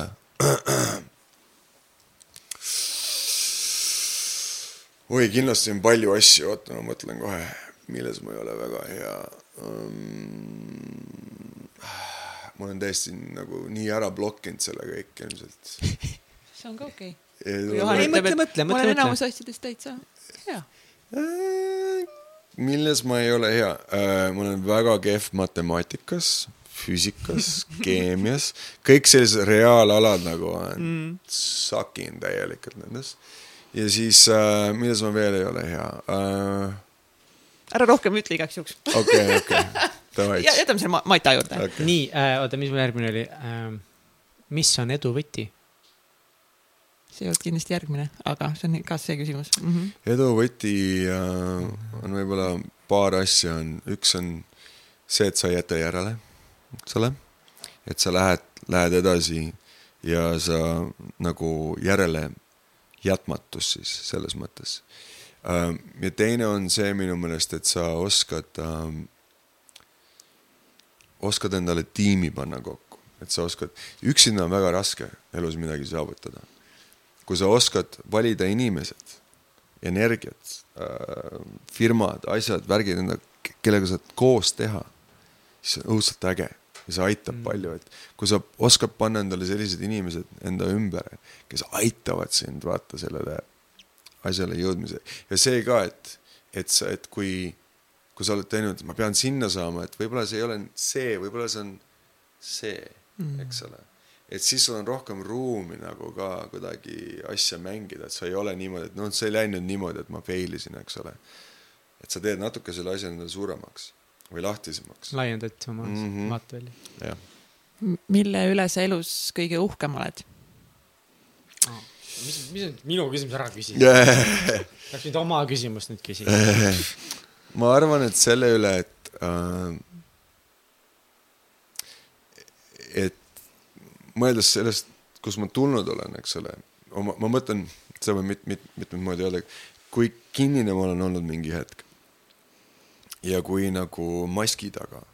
ma olen väga uhke selle üle, kui äh, nagu avatud ma nüüd olen.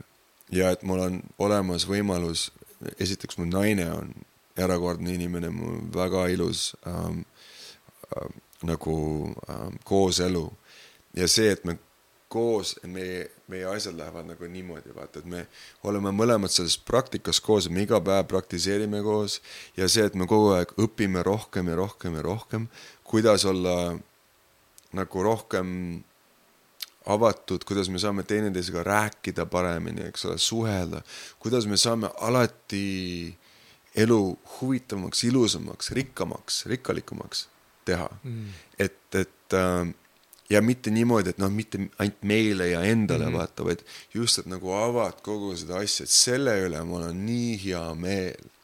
ja mul on tõesti, see on see, mis nagu annab mulle selle jee yeah, tunde mis on kõige pöörasem asi, mis sa teinud oled ja kas sa teeksid seda uuesti? saates enne veits puudutasime ka, aga mis wow. siis on kõige pöörasem asi, mis sa teinud oled? pöörasem asi, kindlasti mitte, ma arvan, ma olen ma ei tea, kas ma saangi rääkida, mis kõige pöörasemad asjad on olnud, aga. saad ikka, muidugi saad, see on noh, see on, see on omavahel siin. sõbrad omavahel. keegi ei kuule seda. ahah, ahah. kuule, ma olen igasugust sitta keeranud ka elus kokku, et äh, igasugust asja, mis noh kindlasti ei teeks uuesti ei no me kõik ei... oleme teinud seda, aga mis sina teinud oled ei, ei, ma ei saa, ma ei saa rääkida neid asju, aga ütleme, et ma olen, ma olen teinud ikka noh, eriti teismeliselt enne kui ma läksin ära siis ütleme seda, et noh, et et kui ma ilmselt, kui ma Soomest ära ei oleks läinud, et äh, oleks võib-olla asjad palju halvemini läinud minu elus. et kus ma oleks päriselt nagu sattunud, et see oli, et ma, see, need, minu nagu sõpruskond eh, oli üpriski värviline. väga ei. mitte midagi ütlev. absoluutselt, täiesti lihtsalt poliitiku jutt järsku tuli peale mingi Pole hullu, nii, ma sain juba ennem aru, et, et sa oled suur raamatute sõber, et sulle meeldib raamatuid lugeda, mis on mingi viimase aja. aga enne seda nagu sa pead kindlasti meile ütlema nii. skaalal ühest kümneni. kui veider sa oled? kui veider ma olen? jah ma ütleksin, ma olen kindlasti rahulikult võib-olla mingi seitsme ja üheksa vahel võib-olla. ehk siis kaheksa, see number on kaheksa, näed, noh, see matemaatika pole üldse hull, et see on kaheksa, mis seal vahel on. see oleneb, kelle käest küsida, eks ole, et mis ja mis, mis on see kümme, kes see kümme kes see kümme on? niimoodi, me on nagu ülikiire, sest ülikiire. Eh, sina pead veel täna jõudma lennuki peale, sa pead Saaremaale jõudma, meil on kiirelt vaja paar pikki ka, aga meil on Million Mindset'i poolt sulle anda valida nüüd raamatuid, me teame, et sulle meeldivad raamatud, sa loed, sa õpid palju. ja, ma proovin siit. Lihtsalt paneme järjest. niimoodi, mis meil siin on, siis meil on siin tulemuslikkuse kunst, meil on järeleandmatu. viisteist hindamatut kasvuseadust. Wow vaatame, esma-, Simon Sinek, esmalt küsi, miks, kindlasti oled lugenud, ma arvan, seda. seda ma olen lugenud, jah. ja see Teadlik mees. seda olen lugenud, see on väga hea raamat. viie sekundi reegel, Mel Robbins. oota, Teadlik mees on, kes, kes on kirjanik? John Gray, ei seda ma ei ole lugenud võib-olla mis, mis teie lemmikraamat on see? ei, ei, siin ei ole mingit aitamist, see on täiesti sinu, sina pead selle valiku praegu tegema siin ja sul on kümme sekundit aega. aga, aga, aga kui ma ütlen, mis lemmik, mis sinu lemmik on, ma küsin lihtsalt huvi pärast. ei, ma ei saa öelda, see on ju, sa siin kohe kasutad ära seda informatsiooni. aga sinu lemmik? aga ma võin öelda, minu lemmik on see Start with why see, see, see on ja Simon Sinek on mu ka lemmik, ma ei ole, ma ütlen ausalt, ma ei ole nagu neid kolme lugenud, ma olen seda lugenud, see on hmm. väga, väga hea raamat on ju, aga need on kõik kindlasti väga nagu toredad eh, raamatud, nii et lihtsalt vali üks sisetunde järgi lihtsalt, mis tundus esimesena kõnetas, võta see. ja siis. huvitav. Hmm viis tundi hiljem ja, ja, ja ei, ma ei oska. Juhani Saaremaa lennuki peal igatahes ei jõua, sellepärast et ta valis Million Mindseti raamatut. ma arvan, et see on kõige lähedam mulle, et ma võtan siis selle. Teadlik mees sai võidu, ülilahe äh, ülikiire räpp. ma lihtsalt ütlen sulle, et kõik, mis sa täna rääkisid meile nendest suurtest mõtetest ja arusaamast, mis sul on, sa oled mm. väga ehe selles, sa oled siiras ja kui te mõtlesite mm., et Juhan Urbas mm. mingit sitta siin tegelikult ei ajanud, sest esimene hetk, kui me sinuga kontakti lõime ja kui mm. me tegime selle videokõne, ma olin mm. võib-olla pahviks löödud sinu me olime läbi ekraani sinu mm. siirusest, sinu sõbralikkusest mm., sinu soojusest ja ka sellest, sa olid, et lihtsalt, ah cool, teeme ära, vaid sa nagu näitasid nagu huvi üles, et ah, mis te teete, miks te teete ja. sest kindlasti minu jaoks kõige kuulsam inimene, kes siin käinud oled mm. ja kõige soojem mm., üks kõige soojematest inimestest, ma mm. nii tänan sind sinu aja eest mm., sinu energia eest, ma olen lihtsalt ma olen nii õnnelik, aitäh sulle. aitäh teile. ma lihtsalt sekundeerin Mihklit et, et me jõuaksime ka pildid ja videod ja, ära teha, sest, aga nii, et tõesti nii suur tänu mm.. lihtsalt imeline, et see, me saime kogeda seda täna. see, mis te teete, on väga tähtis ja väga ilus ja väga kihvt, eks ole, nagu ma ütlesin teile. see, see energia, mis teis elab ja kuidas teie maailma teete ja vaatate ja elate, on, on väga inspireeriv minu jaoks. nii et olge tänatud sellist, jah. ja teile, sõbrad, aitäh kuulamast ja mm -hmm. davai, tšau. Davai, tšau. tšau. aitäh, et kuulasid saadet Täitsa Pekkis. saate tõid sinuni Katrin Hindrikus-Karu ja Mihkel Vetemaa. tehniline juht Egert Karu. NATO superspai Triin Tallo ja ÜRO Supreme Manager Kelly Treu. kui see saade läks sulle korda ja inspireeris sind, siis toeta meid ka Patreonis patreon.com kaldkriips Taitsa Pekkis. Saadet toetavad United Dream Studios, Tint Design ja Million Mindset kirjastus. uus saade igal esmaspäeval. Kuulmiseni, Kuulmiseni.!